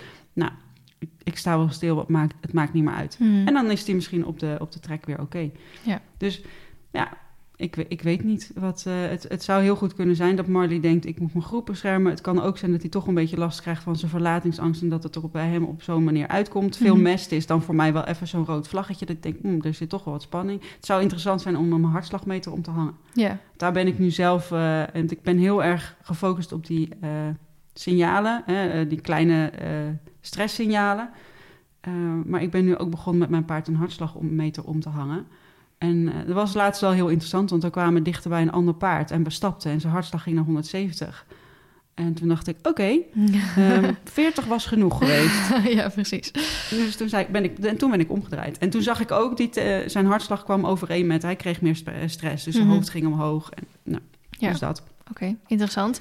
Ehm een stukje nog met veulen met eh, afspelen heb je gedaan. Ja. En dan gaan ze de opfok in. Ja, en dan, ja, ehm, weet je, ik denk ehm, wat ik het fijne vind van een opfok is dat ze in ieder geval va- vaak bewegingsruimtes hebben. Ja, En de ene en opfok bijna is- altijd wel in een groep staan. Ja, ook. en de, en, en de een is de andere niet.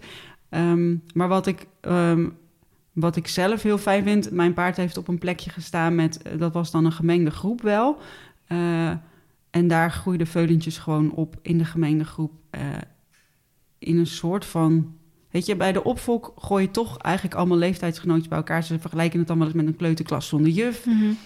Mm, dus dat is, ehm, daarvan denk ik, goh, ik zou het fijn vinden als daar iets meer diversiteit in leeftijd Ja. zit. En het is gewoon heel fijn als je emotioneel stabiele paarden daarin hebt staan. Eh, maar je, ja, paarden die op de, in de opfok staan, die zijn allemaal net waarschijnlijk bij, eh, bij hun moeder weg. Eh, dat is al stressvol, huis is stressvol. Dus het is, niet, het is niet, denk ik, het meest ideaal. Ik ben voor de Inspiratie Huisvesting-serie de laatste aflevering... dus die hebben Ja. wij nog niet gezien... maar die hebben de luisteraars wel kunnen zien.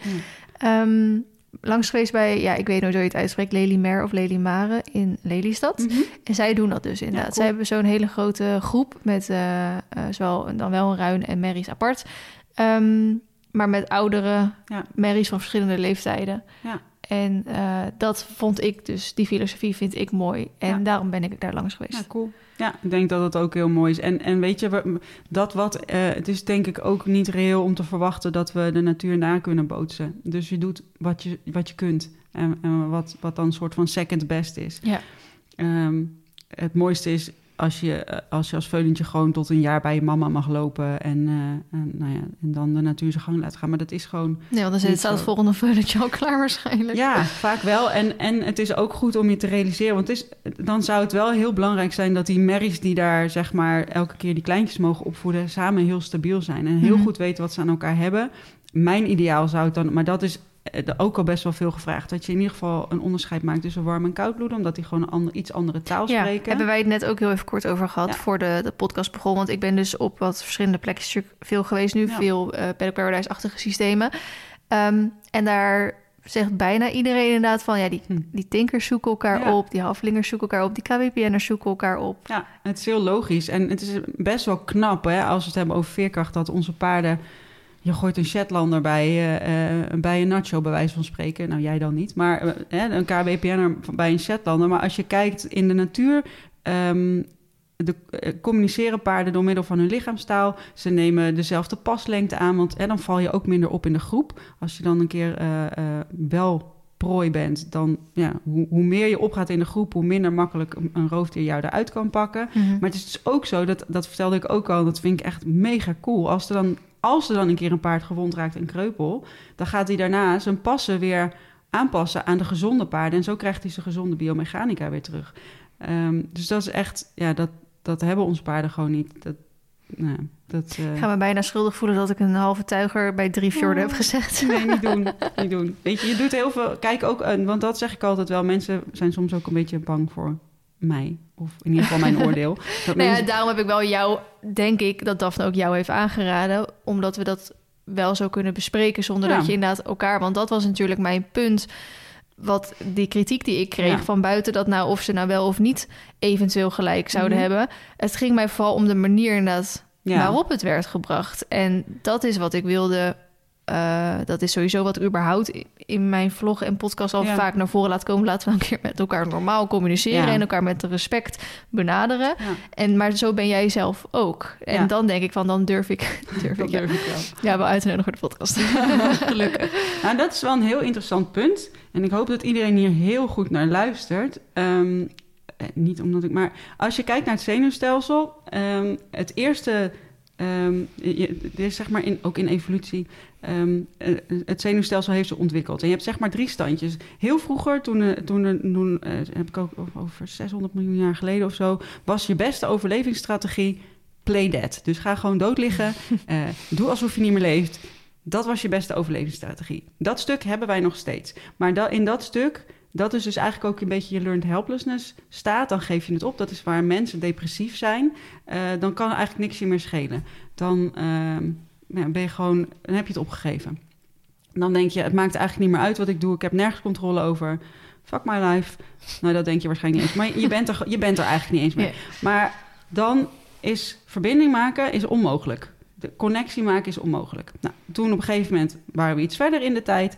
En ehm, toen was het ook wel handig als je kon vechten of vluchten. Dus dat stukje, hebben, dat standje hebben wij ook. Fight or flight. Fight ja. or flight. En wat zie ik heel veel... eh, oh, en dan het derde standje is... Dat is heel grappig. Daarom heeft de homo sapiens... was helemaal niet de sterkste, niet de slimste, eh, niet de snelste. Maar die homo sapiens, dat is dus de mens die wij zijn... die kon één ding heel goed. Die kon zich verbinden met andere mensen. Die kon samenwerken. En die, ehm, eh, dat heeft ervoor gezorgd dat hij kon overleven. En dat is ook, dan voel je je tevreden, dan voel je je veilig, dan ben je nieuwsgierig. Hè, dan, dan ben je bereid om de wereld te ontdekken.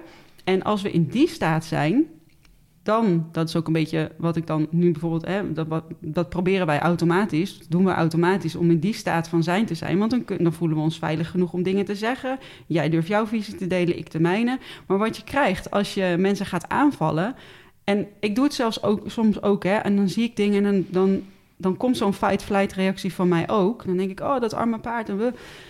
Los van het feit of ik daar nog gelijk in heb, dat weet ik niet eens. Maar op het moment dat jij mensen gaat aanvallen, dan schiet de ontvanger daar over het algemeen van in de verdediging of gaat terugvechten. Daar is ook in die fight-flight is ook geen verbinding mogelijk. Dus hoe goed je het ook bedoelt, het heeft geen zin om iemand ehm, aan de schandpaal te nagelen. Want het, eh, het, het levert niet op wat je hoopt. Nee. Dus ik denk altijd, weet je, probeer vragen te stellen. Zeg dat iets jou triggert, maar zeg niet dat iemand stom is. Eh, want dan kun je een gesprek voeren. Maar het is een heel logische reactie van het zenuwstelsel. En dan zie je, dan wordt het ook van kwaad tot erger. Want dan ga jij in je verdediging en dan gaat iemand anders daar weer overheen. Mhm. En dan met een beetje mazzel komen er nog meer mensen bovenop. Ja, Zoveel mazzel. ja een beetje pech. het helpt niet. Nee. Nee, Nee. Dus het is echt heel belangrijk om, om je dat... En het is ook interessant bij jezelf om te merken... Jij, van, oeh, oké, nu schiet ik dus wel in mijn fight-flight. Ehm, wat kan ik doen om weer naar die het standje veilig te komen? Ja, nou daar heb ik met wel genoeg psychologen over gehad. Precies. Ja, Ja, heel interessant. Ehm, jonge paarden. ja. Opleiden. Ja. Nou, en dat is dus ook als we dit, dus over dit zenuwstelsel hebben. Als je wil dat je paard iets leert, moet je dus ook zorgen dat hij in die ontspannen modus is. Want als die in zijn fight-flight zit, als die te, eh, een klein beetje fight-flight is niet erg. Want je wil wel, je wil een beetje, je wil eigenlijk die systemen staan. Het, is niet, het zijn niet knopjes die is aan, die is uit, die is. Ze zijn allemaal een beetje aanwezig. Mhm. Uh, maar als je een jong paard opleidt, ehm, ja, weet je, het, je moet zo'n, of je gaat zo'n dier leren hoe de mensenwereld werkt en je gaat met, iets met hem doen. Je wil vaak waarschijnlijk rijden of mennen of weet ik veel. Ja, dat, dat moet hij wel leren. En het paard van tegenwoordig is gewoon best wel vaak lenig en ja, Nacho is gewoon mega groot. Hij is 1,70. ik ben niet klein, maar ik vind hem echt wel groot. Um, ik ben het al nu al een beetje aan gewend. Ja. en ik, mijn paard is maar 1,60. Wij zeiden al, we hadden eigenlijk gewoon moeten ruilen. Jij had mijn paard moeten hebben van 1,60. Ik ben 1,80, dus dat uh, slaat nergens op. Maar ja, um, ik denk dat het heel... Ik, ik persoonlijk zou ze, juist omdat ik weet dat ze instabiel zijn... zou ik ze heel graag eerst vanaf de grond uh, dingen leren. Kijk, ze moeten ook, als je naar het wild kijkt... een paard die een bochtje loopt... in het wild lopen ze geen rondjes. Dat willen wij. Eh, want ja, ehm, we, hebben nou eenmaal niet zoveel ruimte dat ze heel veel rechtuit, tenzij je buitenritjes gaat maken. Dus je moet ze die techniek leren dat ze niet eerst hun schouders de bocht doorgooien en hun hoofd naar buiten als een soort van tegenwicht, want dat is wat ze dan van nature doen. Eh, dus dat moet je ze leren. Ik zou ze dat het liefst eh, vanaf de grond leren. Ehm, er zijn mensen die zeggen, je moet ze helemaal uit laten groeien tot acht, want dan zijn alle groeischijven ges- gesloten. Er zijn mensen die zeggen, nee, je moet het wel eerder belastingsprikkels toege- eh, toevoegen, want dan kan het lijf zich daarop aanpassen. Ja, dat is echt nog een hele discussie op Het is zich. een hele discussie op zich. Ik weet het niet zo goed, eerlijk gezegd. Ik denk eh, zelf zou ik dus veel. en dan- dan ben ik dus liever eerder iets te voorzichtig. En dan zou ik denk ik ehm, veel op de grond gaan opleiden. En er misschien toch pas vanaf 6, 7, 8 op gaan zitten. Maar ik weet niet of dat de manier is. Dat is gewoon met de kennis die ik nu heb. Ja. Ehm, dat is jouw dat is mijn bril. Ja. Dat is mijn bril Ja, en mijn ja, ervaring. Mijn paard is helemaal kapot. Eh, die is op zijn elfde afgekeurd op vier benen, omdat hij zulke slechte pees heeft. Was hij waarschijnlijk ook wel, is waarschijnlijk ook wel een genetisch dingetje. Maar ik heb wel, ik zeg altijd, hè, er zitten kogels in je, ehm, in je holster. En ik heb de trekker overgehaald. Want ik heb hem op een plek gezet waar hij eigenlijk alleen maar buiten kwam als ik hem buiten zette. Was hij zo gefrustreerd en gestrest dat hij alleen maar heen en weer ging rennen. Nou, dat is niet gezond voor pezen. Ik heb hem op zijn derde beleerd. Dat is niet gezond. Ik wist niks over verticale balans. Ik nooit van gehoord. Dus dat zou ik een jong paard wel leren. Van, hey, zo loop je in balans. Zo word je sterk. Zo word je stabiel. Ja, want aan de hand van, ehm, nou goed, om heel even daar terug te komen, ik wil daar niet te diep in gaan. Maar van beelden die ik dus had gedeeld over een training van Nacho, Nacho kreeg ik dus die eh, reacties. Ja.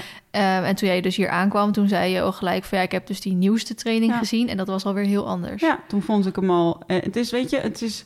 Ik vind het, nou dat zei ik al, ik ben ergens heel blij dat er bewustzijn komt, dat mensen daarna gaan kijken, omdat ik denk dat als je die signalen vroeg herkent, dat je ze in de gaten kunt houden, dan kun je geen diagnose stellen. Maar je kunt wel kijken, wordt het beter? Blijft het gelijk?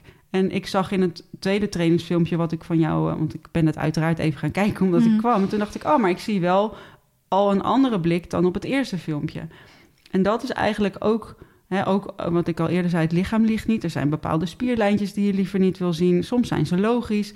Als je bijvoorbeeld nieuwe dingen gaat leren. Een paard wat stijgert. Ja, ik, heb nog, ik ken niet heel veel paarden die heel happy kijken als ze stijgeren. Er zit een, dus er zit ook, als je iets eh, traint en, en een paard vindt dat moeilijk, dan kan hij ook moeilijk kijken.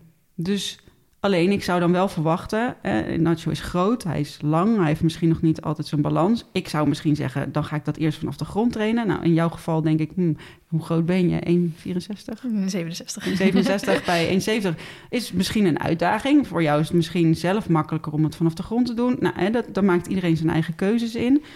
Ehm, maar dat een heel groot, lenig paard het moeilijk vindt en dan moeilijk kijkt, hè, dat kan. En het- wat ik zei, ik verwacht dan dat het beter wordt. En ik denk dat ik dat zie, dat het beter wordt. Dus dan denk ik, oké, dan ben je op de goede weg. Ja, iemand zei ook in, de, in mijn DM eh, dat een painface niet letterlijk te vertalen is naar Nederlands een pijnlijk gezicht. Ja. Ehm, omdat een painface ook betekent dat hij of stress ervaart, Ja. iets spannend vindt. En dat is eigenlijk zeer een soort overkoe. Eigenlijk is het niet helemaal een goede benaming dan. Ehm, dus het betekent niet gelijk dat hij pijn heeft. Het kan ook zijn dat hij of iets spannend vindt, stress heeft, Ja. moeilijk vindt, et cetera. Alleen mensen bestempelen het vaak van hij Ja. heeft pijn. En het is denk ik goed om het op te merken. En dan is aan jou als mens de schone taak om uit te vinden wat het is. En het is soms ook gewoon echt- echt een kwestie van trial and error. Ja. Je probeert dingen uit. Ehm, en je kijkt, en, en ook een training. Weet je, ik, ik zie dan het liefst. Eh, ik kan mijn paard niet meer echt belasten. Maar ik probeer dan wel door middel van passive fysio. Dus door middel van ehm, mijn voer op een bepaalde manier aan te bieden en op te hangen. Eh, hij, hij kon heel erg in zijn boeg hangen.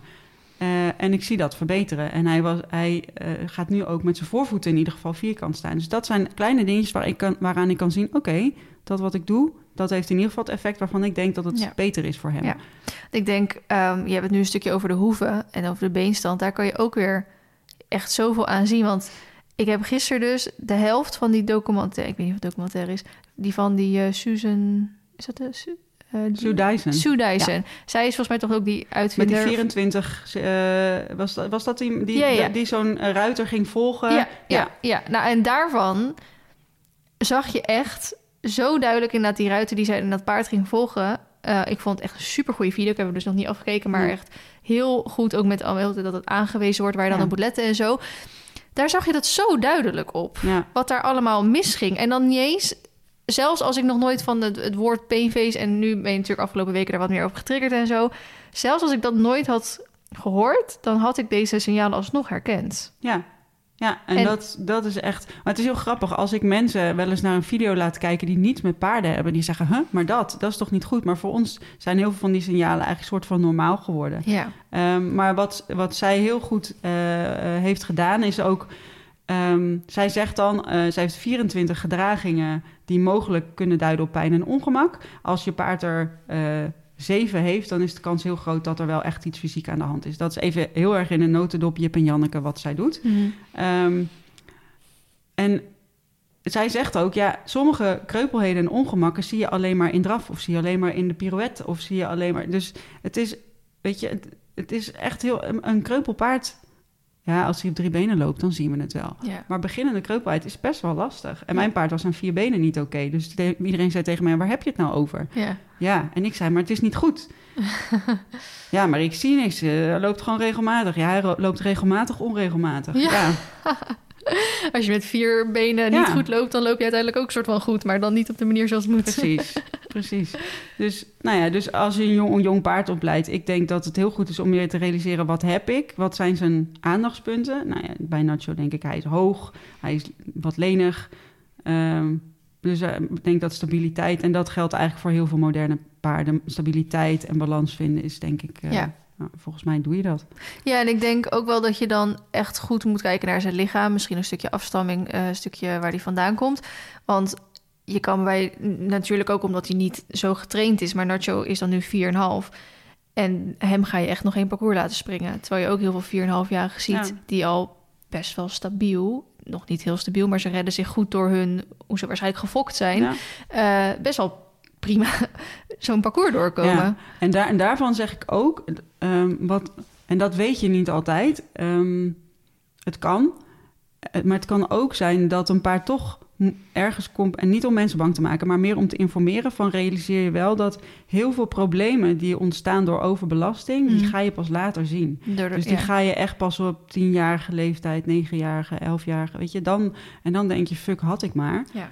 Eh, en dan kan je het niet meer terugdraaien. Dus daarom zeg ik altijd, ik ben een beetje aan de voorzichtige kant. Ik doe dan liever niet eh, eh, dat. Maar ik zeg niet dat, ik, dat dat dus dan goed is. Het is alleen omdat ik te vaak heb gezien wat er dan op tienjarige leeftijd gebeurt. Ja. En dan zeggen mensen, ja, hij heeft nergens last van. Ik heb ook laatst, ja, weet je, ja, je paard heeft wel echt hele lange tenen. En dan heb ik weer van Anne Schuit, is echt een superleuke, uh, zij heeft Hoefnerd Academy. Mhm. En zij zei ergens, elke centimeter te lange teen geeft 50 kilo meer druk op de pezen.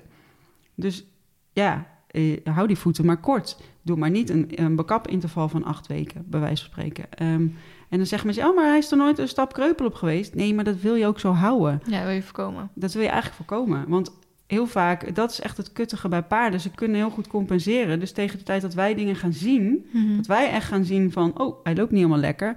Dan ben je waarschijnlijk al tien stappen achter de, de oorzaak aan. En dat maakt het gewoon best wel lastig.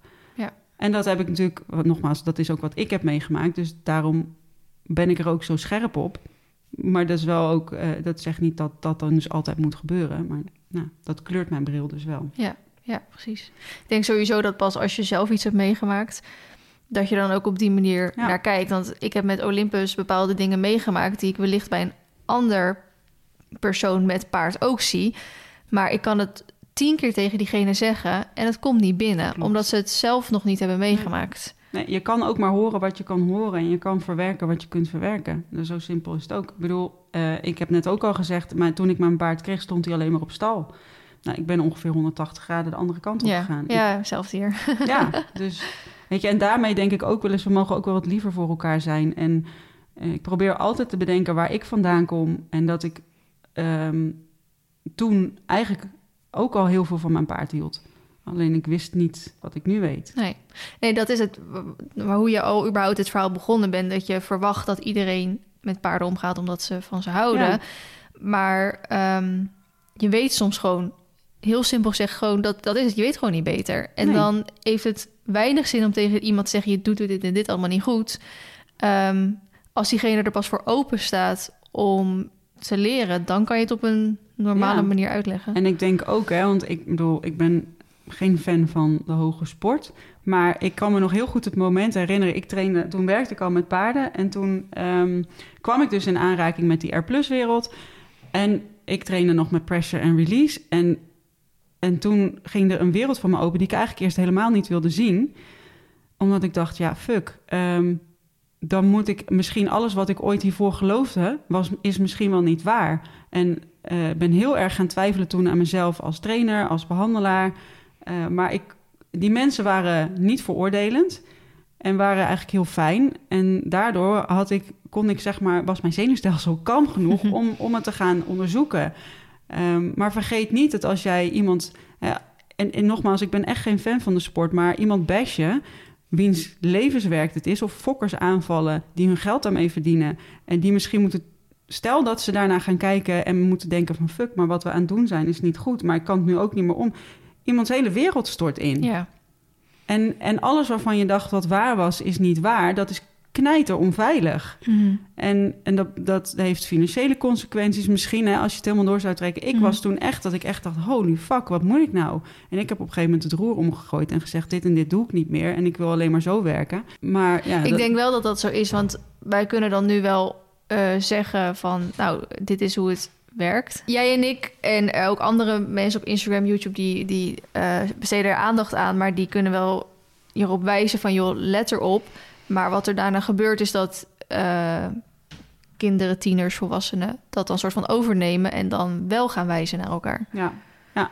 En dat is, En ik denk in nou wat je net zei, dat probeer ik ook. Ik probeer elk stapje wat ik doe, ehm, met één stapje tegelijkertijd te doen. Om even te proeven ergens van oké, wil ik hier meer van weten? Wil ik hier niet meer van weten? Kan ik inderdaad iets in mijn rugzakje stoppen om daar weer iets mee te doen? Want ik weet van mezelf, als ik helemaal me ergens, ja, dan dat.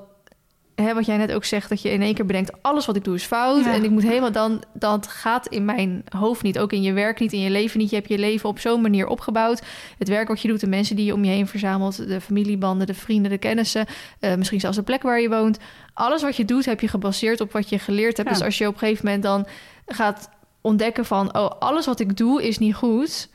dat is denk ik een te grote error in Ja. iemand zijn hoofd... wat inderdaad niet... dat is niet meer veilig. Nee, precies. En, dan, en dan, eh, dan ga je vechten of vluchten. Ja. Dus, eh, dus, Dus dat- geef iemand dan ook de kans om Ja. op zijn eigen tempo, denk Weet je ik. wat ik altijd doe is, ehm, als ik iets zie of iets hoor of ik denk, eh, ik raak ergens door getriggerd of dan denk ik, weet je wat ik doe? Ik maak er gewoon zelf een post over. Ik ga niet iemand, Ja. ik ga niet iemands tijdlijn vervuilen, maar ik ga gewoon zeggen hoe ik dingen zie. Ehm, En ik denk dat we allemaal die fout wel eens maken. Hè? Want Ja, oh, ik, jij en ik kunnen nu zo praten, maar we hebben het waarschijnlijk allebei zelf... Dus ik, weet heb- niet, ik, weet nou, kan niet ik- voor jou ik- praten, maar jawel, ik wel. jawel, want eh, jij hebt mij heel terecht een keer aangesproken... omdat ik jou te veel exposed in een post... waarvan oh ik ja, dacht, ja, waarvan ik dacht, oh, dat ben ik heel naïef in soms hoor. Dan denk ik, nou, dat ziet niemand. En überhaupt, ik met nou, duizend volgers, hoezo zou dat bij jou terechtkomen? Dus ik was, ik denk, hoe kan dit? Ik, Ik had, zie alles. ja, dat was echt, dan gaan mensen dat doorsturen. En dan dacht ik echt, huh? Maar zo belangrijk ben ik helemaal niet. Maar toen, nou, heel naïef, eh uit er achteraf dacht ik, ja, weet je, dat was inderdaad gewoon veel te duidelijk dat het over jou ging. Mm. En niet netjes. Dus toen heb ik ook gelijk weggehaald. Want ik denk, dat is gewoon niet mijn bedoeling. Dat Ja. is niet de boodschap die ik... Dat is ook echt niet wat ik wil. Ehm, Ja, en ik heb het zelf ook gedaan. Mensen in mijn story gezet. Eh dat was een screenshot. Dan hoopte ik nog dat ik hem zo erg ingezoomd had... dat niemand zag wie het was. Achteraf dacht ik misschien ook al moeten spiegelen... ander kleurtje moeten Ja, geven. weet je wel. Omdat je, maar soms wil je ook een soort voorbeeld hebben... ja. om dan daarna een verhaal van te maken. Maar als je zelf niet zo'n voorbeeld hebt... Ja. dan moet je hem soort van van iemand anders halen. En dan wordt het wel heel erg lastig natuurlijk. ja, ik heb laatst toevallig ergens op een oude harde schijf... vond ik rijfoto's van mij en Zoek, mijn paard. En toen dacht ik, oh, echt mijn hart brak. En aan de andere kant dacht ik, maar ik heb hier heel veel goede voorbeelden aan... wat ik niet wil. Dus ik heb, ik heb nu ook... Ik, heb, ik gebruik het liefst altijd mezelf als voorbeeld. Ja. Ja. En, eh, en dan denk ik, weet je... eh, en ik hoop dat mensen er wat van leren. En, en inderdaad... En de ene, wat je heel vaak krijgt is... e- Eerst zijn mensen onbewust onbekwaam. Dus dan weten ze niet dat het bestaat, zo'n pain face of, of learned helplessness. En dan zijn ze zich er bewust van dat ze het eigenlijk niet weten. Maar dan zien ze al wel de tekenen, tekenen van... eh, en, en dat is een beetje de... ja, ehm, dan gaan mensen. Je moet dingen ook altijd in een context zien. En dat kan je van een foto. Ik gebruik ook foto's van: hé, hey, kijk, ik zie dit en dit en dit. Dit was de context. Ik gebruik dus ook altijd mijn eigen foto's. Ehm, maar je, het is nog altijd, als, als ik al reageer op een foto, dan zeg ik ook altijd bij: ik zie, nu, ik zie nu alleen maar dit plaatje, dit stukje training. Dus dat is waar ik op kan reageren. Maar ik kan niet zien wat er daarvoor en daarna uh, speelt. Ik kan niet zien hoe het zich ontwikkelt. Dus dat, Mhm. dat zijn wel dingen. Ja. Ja, Ja, daarom plaats ik ook liever nooit ehm zelf training dingen. Als in, ik plaats heel veel training dingen, maar dan is het altijd mijn instructeur, zeg maar, Ja. die het microfoontje om heeft. Omdat ik ook zelf vind dat ik niet genoeg informatie en kennis overal van heb om ergens een uitspraak over te doen. Ik zeg ook heel vaak erbij, dit is mijn ja. perceptie, mijn mening, hoe ik het ervaar. Maar dan vind ik altijd best wel knap als anderen dat wel doen. Want die moeten of er zo van overtuigd zijn dat zij hetgene is wat goed doen. Ja. Maar eh, dat kan. Maar toch zullen er altijd mensen zijn die het er niet mee eens zijn of een ander idee ervan hebben. En dat vind ik wel altijd heel knap als mensen hun eigen manier en ook eigen foto's dan kunnen gebruiken om dat dan te delen. Ja. ja. Nou ja, en het is ook, weet je, het is ergens ook heel makkelijk, want ik stoot er niemand mee voor het hoofd. Ja. En ik denk dan, ergens is het ook wel een beetje... Ik heb heel veel... ehm, eh, ik, ik wist niet beter, dus ik, ik neem het mezelf niet kwalijk. Maar ik denk wel, nou, weet je, ik heb dingen gedaan die niet zo mooi maken. Ik kan er misschien nog iets moois uithalen zo. Ja, Ja. ja. Ja als ik, ik probeer wel eens een, een voor- en na-fotootje van vroeger of zo eh, te doen. Iets waar, maar dan is meer iets waar ik vroeger heel trots op was. Ja. Dat leg ik dan naast me waar ik op dit moment dan trots mee ben. Want ehm, ja, mijn werk zit in de film en de video en foto natuurlijk. Dus alles waarvan ik denk, oh, dat vind ik geen mooie foto, dat verwijder ik al. Want dan weet ik, dat ga ik nooit posten op Nee. social media. Dus dat verwijder ik al. Dus ik heb ook nooit eigenlijk beeldmateriaal. Het, zit er gelukkig ook nooit tussen. Het is er niet vaak tussen. Het altijd een keer een moment dat er een keer een mond open of wat dan ook is. Ehm, maar dat, dat filter je al een soort van uit. Omdat je gewoon weet, dat ga ik toch nooit gebruiken. Nee. nee. Hey, we zitten al op een uur en twintig minuten. Oh, jee. ik vind het niet erg. Maar ehm, eh, het enige waar ik nog heel even kort iets wilde zeggen... maar dat wil ik binnenkort ook in een video denk ik even gewoon bespreekbaar maken... is dat je denk ook voor jezelf moet beslissen... waar je ehm, je specialisatie soort van in wil maken... Mhm. als je hem überhaupt al wil maken. Want ik weet van mezelf dat ik ehm, soms door het boom het bos niet meer zie. Ja. En daarom, daarom verzamel ik de mensen om me heen waarvan ik denk die kunnen op, op die specialisatie hebben zij, denk ik, Kennis. kennis. Ja. En die mensen kunnen mij dan weer adviseren in hoe en wat. Ehm, zo zou ik nooit instructeur worden. Want ik zie, eh je, kan mij letterlijk ongeveer bij elke ruiter ze- zetten. En dan zie ik bij iedereen iets goeds en iets fouts. Mhm. Dus ik kan nooit eigenlijk iets voor mezelf maken waarvan ik denk dat wil ik dan weer op anderen overbrengen. Mhm. Want bij elk paard is weer anders, elke persoon is weer anders. Ik krijg echt error als ik naar andere mensen kijk. ik weet, ik, ik voel, als ik erop zit, voel ik het. Ja. Maar als ik ernaast sta, dan denk ik echt, ik weet niet wat ik moet Laat zeggen. staan hoe iemand dit dan op moet lossen. Ja, oh ja, precies. Oplossen. En, hoe, en dat diegene mij ook nog eens moet gaan vertrouwen dat ik wat ik zeg eigenlijk soort van waar is. Dus daar hou ik me al ver bij weg. Ehm, dus dat moet je. En ik zie nu steeds, omdat we natuurlijk ook allemaal ouder worden. eh, we komen van de studies af, we gaan iets doen. De ene die gaat de hoefkant op, die gaat zich, die wordt zelf ook natuurlijk bekapper. Die gaat bij de Hoefnerd Academie Ja. bijvoorbeeld iets doen. De ander gaat juist eh, meer osteopathie kant op, of, of sportmassage, of lymfedrainage, of zelfs ook gasha en eh, Ja. kruidenmeting en dat soort dingen. De ander die gaat juist een hele sportkant op, die gaat in één keer sky high in de resultaten. Dus ik denk dat je voor jezelf ook, dat hoeft niet nu, hoeft ook niet gisteren, hoeft ook niet volgende week, mag bepalen van waar wil jij je tijd, energie, focus in stoppen. Waar je jezelf ook denk veilig bij voelt. En als je dan een stukje mist, wie ga je dan inschakelen om daar jou weer in te adviseren? Ja, en, dus, dan, en dan bedoel je echt als je eh, als gewoon als ruiter, eh, Ja, als, ja, als, als paarden- paardenmens, eigenaar. ja, ja, van, eh, ja. ja. ja, ja. precies. En dan ook, Want ik denk dat je jezelf heel moeilijk gaat maken. En ik denk dat je dan misschien ook zelf snel het plezier zal verliezen. Als jij vindt dat je al die kennis in huis Ja. moet gaan hebben. absoluut. Nee, dat is heel waar. Dat is wel mooi. Want je zit, er wordt tegenwoordig ook zoveel aangeboden. Ik denk dat het heel goed is om te bedenken van wat vind ik interessant? Vind ik gedrag interessant? Vind ik fysiek interessant? Nou, de meeste mensen die krijgen error als ze al die Latijnse namen uit hun hoofd moeten leren. Wat ik snap. Ja, Eh, eh, vind je de sport interessant? En, en daar dan je kennis inderdaad proberen bij te spijken. Ik denk een soort basis, basiskennis over van... Ja. eh, nou wat wil je wel en wat wil je niet, liever niet zien bij een paard. Ehm, Dat is goed. wat, zijn, wat zijn triggers? Eh, dat is handig, maar daar, ja, je kan nooit alles weten. Nee. Ik, heb, ik had het letterlijk gisteren nog. En daarna gaan we hem afronden. Hm. Ik kreeg een berichtje van iemand die zei van... ehm, ik vind het super tof hoe jij met je paarden omgaat... en hoe je dat allemaal zo eh, deelt en zo. Maar wat ik me een beetje tegenvalt... ik weet niet meer of ze het exact in deze woorden zei hoor... maar wat me een beetje tegenvalt... is dat jij zoveel producten krijgt. Hè? Eh, ook veel producten op je social media laat zien... Ehm, en ik, ik vind dat jij als influencer eh, een rol hebt om eh, duurz- meer duurzame keuzes te maken, om meer duurzaamheid zeg maar naar voren te laten komen. En dat matcht niet zeg maar met hoeveel producten jij krijgt. En toen En dan bedoel je producten uit samenwerking? ja, uit samenwerkingen. En toen dacht ik van, ik vind het ten eerste netjes hoe zij dit verwoordt. Eerst even van, dat we kunnen op dit moment een, gewoon een volwassen, hè, geen fight flight en zo. Ja. Maar ik heb wel tegen haar gezegd, en nogmaals, het is niet, als zij dit bijvoorbeeld luistert, het is niet niks tegen haar. Nee. Het is gewoon puur om even, het, het, deed, het liet mij over dit nadenken. Ja. Dus mijn hersenen gingen even draaien en daar ga ik dan over nadenken, even een paar dagen voor nodig. Toen zei ik ook tegen haar, nou, ik heb er wel moeite mee dat jij zegt dat ik als influencer een voorbeeldfunctie heb over duurzame keuzes maken. Want dan heb ik als influencer, wat al vervelend is, want ik maak gewoon filmpjes van iets wat ik leuk vind. Ja. En dan krijg ik dan automatisch de stempel influencer. En dan krijg ik in één keer automatisch de, keu- Dan de moet je ook stempel nog een duurzame influencer Ja, zijn. moet ik ook nog alles een voorbeeldfunctie in zijn. Ja. Ik wil graag voorbeeldfunctie zijn dat ik mijn paarden inderdaad zoveel mogelijk buiten ruw voor kudde, et cetera hou. Dat ik zo hoop ik op een eerlijke manier train in de sport. Eh, dat je altijd met een cap oprijdt, ik zeg maar even Ja. wat. Dat een paard echt als een kind voor mij voelt en niet als een product of een, een iets. Ehm, dus daar ga ik ook heel ver voor door het vuur en vooral door mijn bankrekening Ja. om daar iets uit te vinden. Dat is voor mij hetgene waar ik denk, dat wil ik uitstralen op mijn kanalen. Dat ik al die producten krijg, dat is mijn werk, daar krijg ik mijn geld voor, daar betaal ik het allemaal van. Ja. Maar je Ja. hebt ook andere, tussen haakjes paarden, influencers... die wel meer die kant op Ja. gaan. Die willen wel meer de duurzame kant zien. En dan denk ik, dat is dus jouw space... Jouw, Dat maakt je ook uniek. En dat Precies. maakt ook dat je mensen aantrekt die bij jou passen. precies dat Want, inderdaad. Ja, weet je. ehm, eh, dat, ik denk, kijk, ik zou ook wel als ik influencers zie...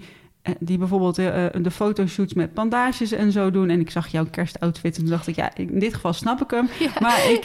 ehm, ehm, denk ik, Ik ja, had ook gezegd van dit is de eerste keer in mijn leven Ja. met bandages. Weet je, en daar, daarvan denk ik soms wel, oh, er zijn zoveel onderzoeken gedaan. En, en daarvan denk ik soms, hmm, weet je, ik, ik zou het heel fijn vinden als er dan op zijn minst een disclaimertje bij kwam van jongens, niet mee rijden, want dat is eigenlijk niet gezond. Heel veel mensen zeggen dat. Hè? Ik doe alleen bandages voor de foto. En dan denk je, ja, maar waarom dan? Ja, Als je, als je ze daarna niet gebruikt om te rijden. ja. Maar dan, wat, je, wat je dan krijgt is inderdaad die nog jonge paardenmensen die denken, oh, dat staat tof, ga ik ook even omheen wikkelen. Ja, Maar goed, daarvan zou ik soms denken, oh, daar mag je misschien maar... Wat jij zegt vind ik een hele mooie. Je wil uiteindelijk do you eh, en doe wat, doe wat bij jou past. En dan krijg je ook de mensen om je heen die dat leuk vinden. En Ja. je, kan- je kan niet alles. Je kan niet, je kan niet, ja... eh, iedereen heeft denk ik een soort van eigen roeping, missie, Ja. ding in het leven. ja en ik denk ook wel eens... eh, kijk even wat je bereikt hebt op de manier hoe je het nu doet. Want als het niet gaat zoals je wil dat het gaat... Ja. dan moet je misschien iets veranderen. En ik zie hem andersom soms.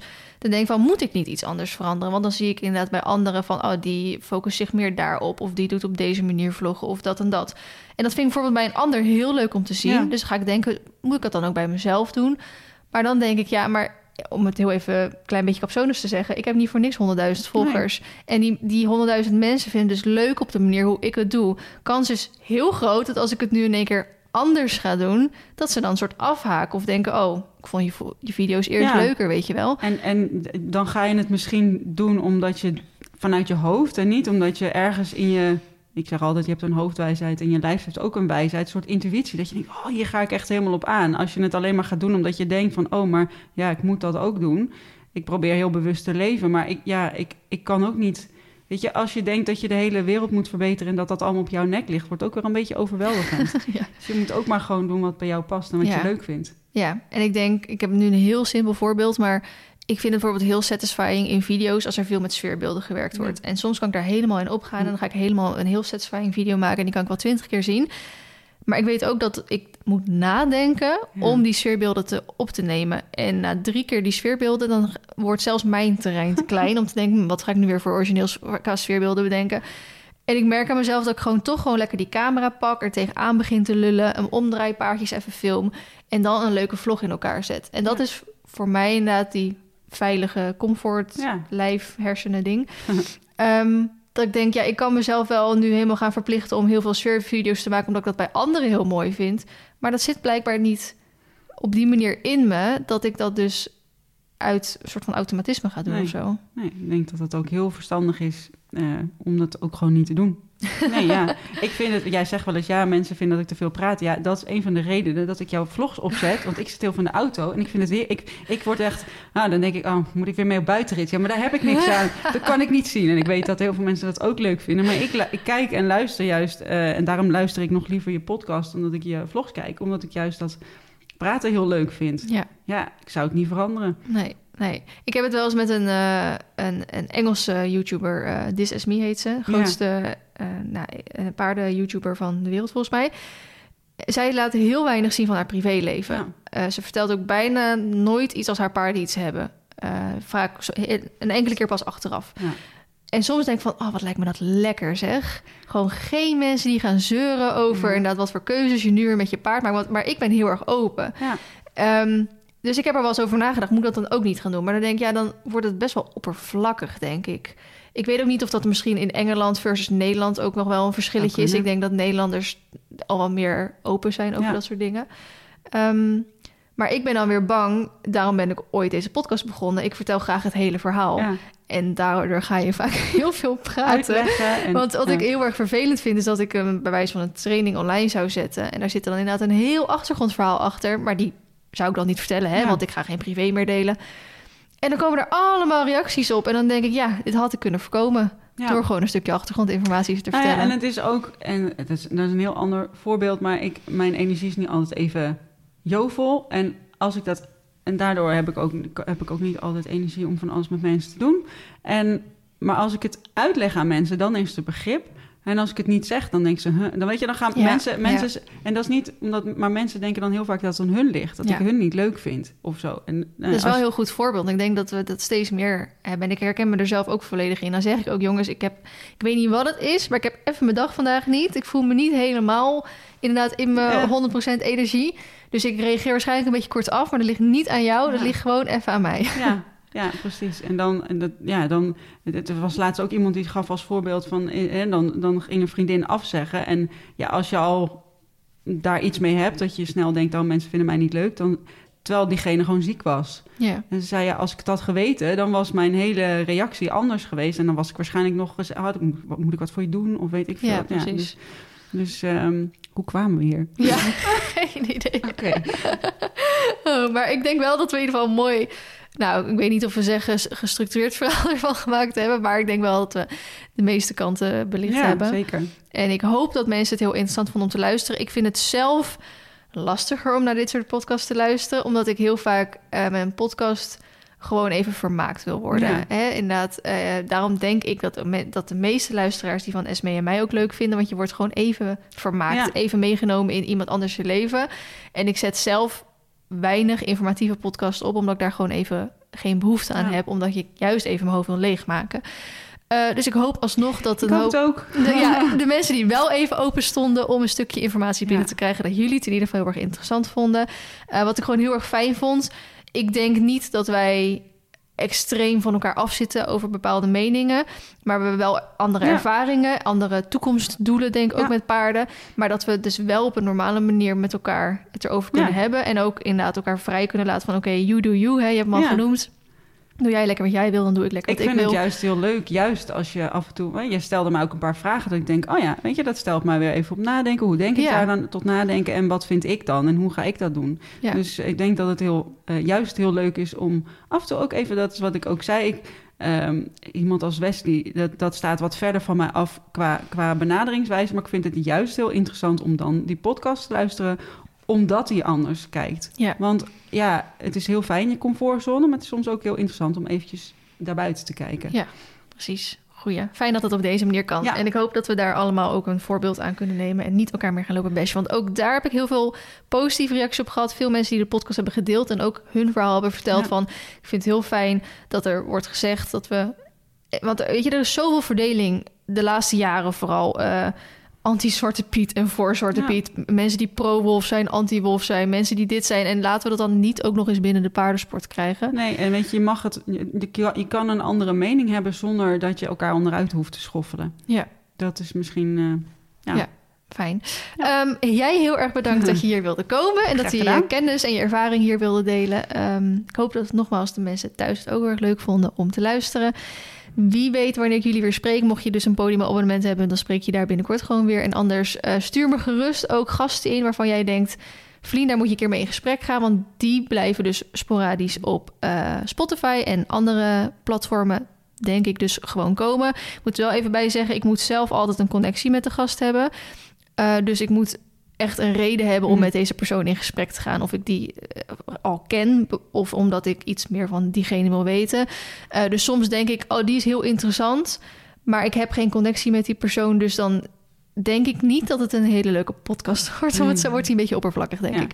Ehm, dus jullie mogen zeker mensen insturen waarvan je denkt... het lijkt me leuk om weer als je een keer met diegene in gesprek gaat. Maar kies dus wel altijd zelf nog uit waarvan ik denk... die vind ik ook leuk om mee in gesprek te gaan.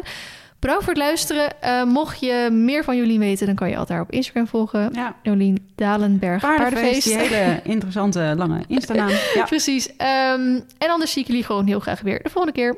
Doei doei! Doei.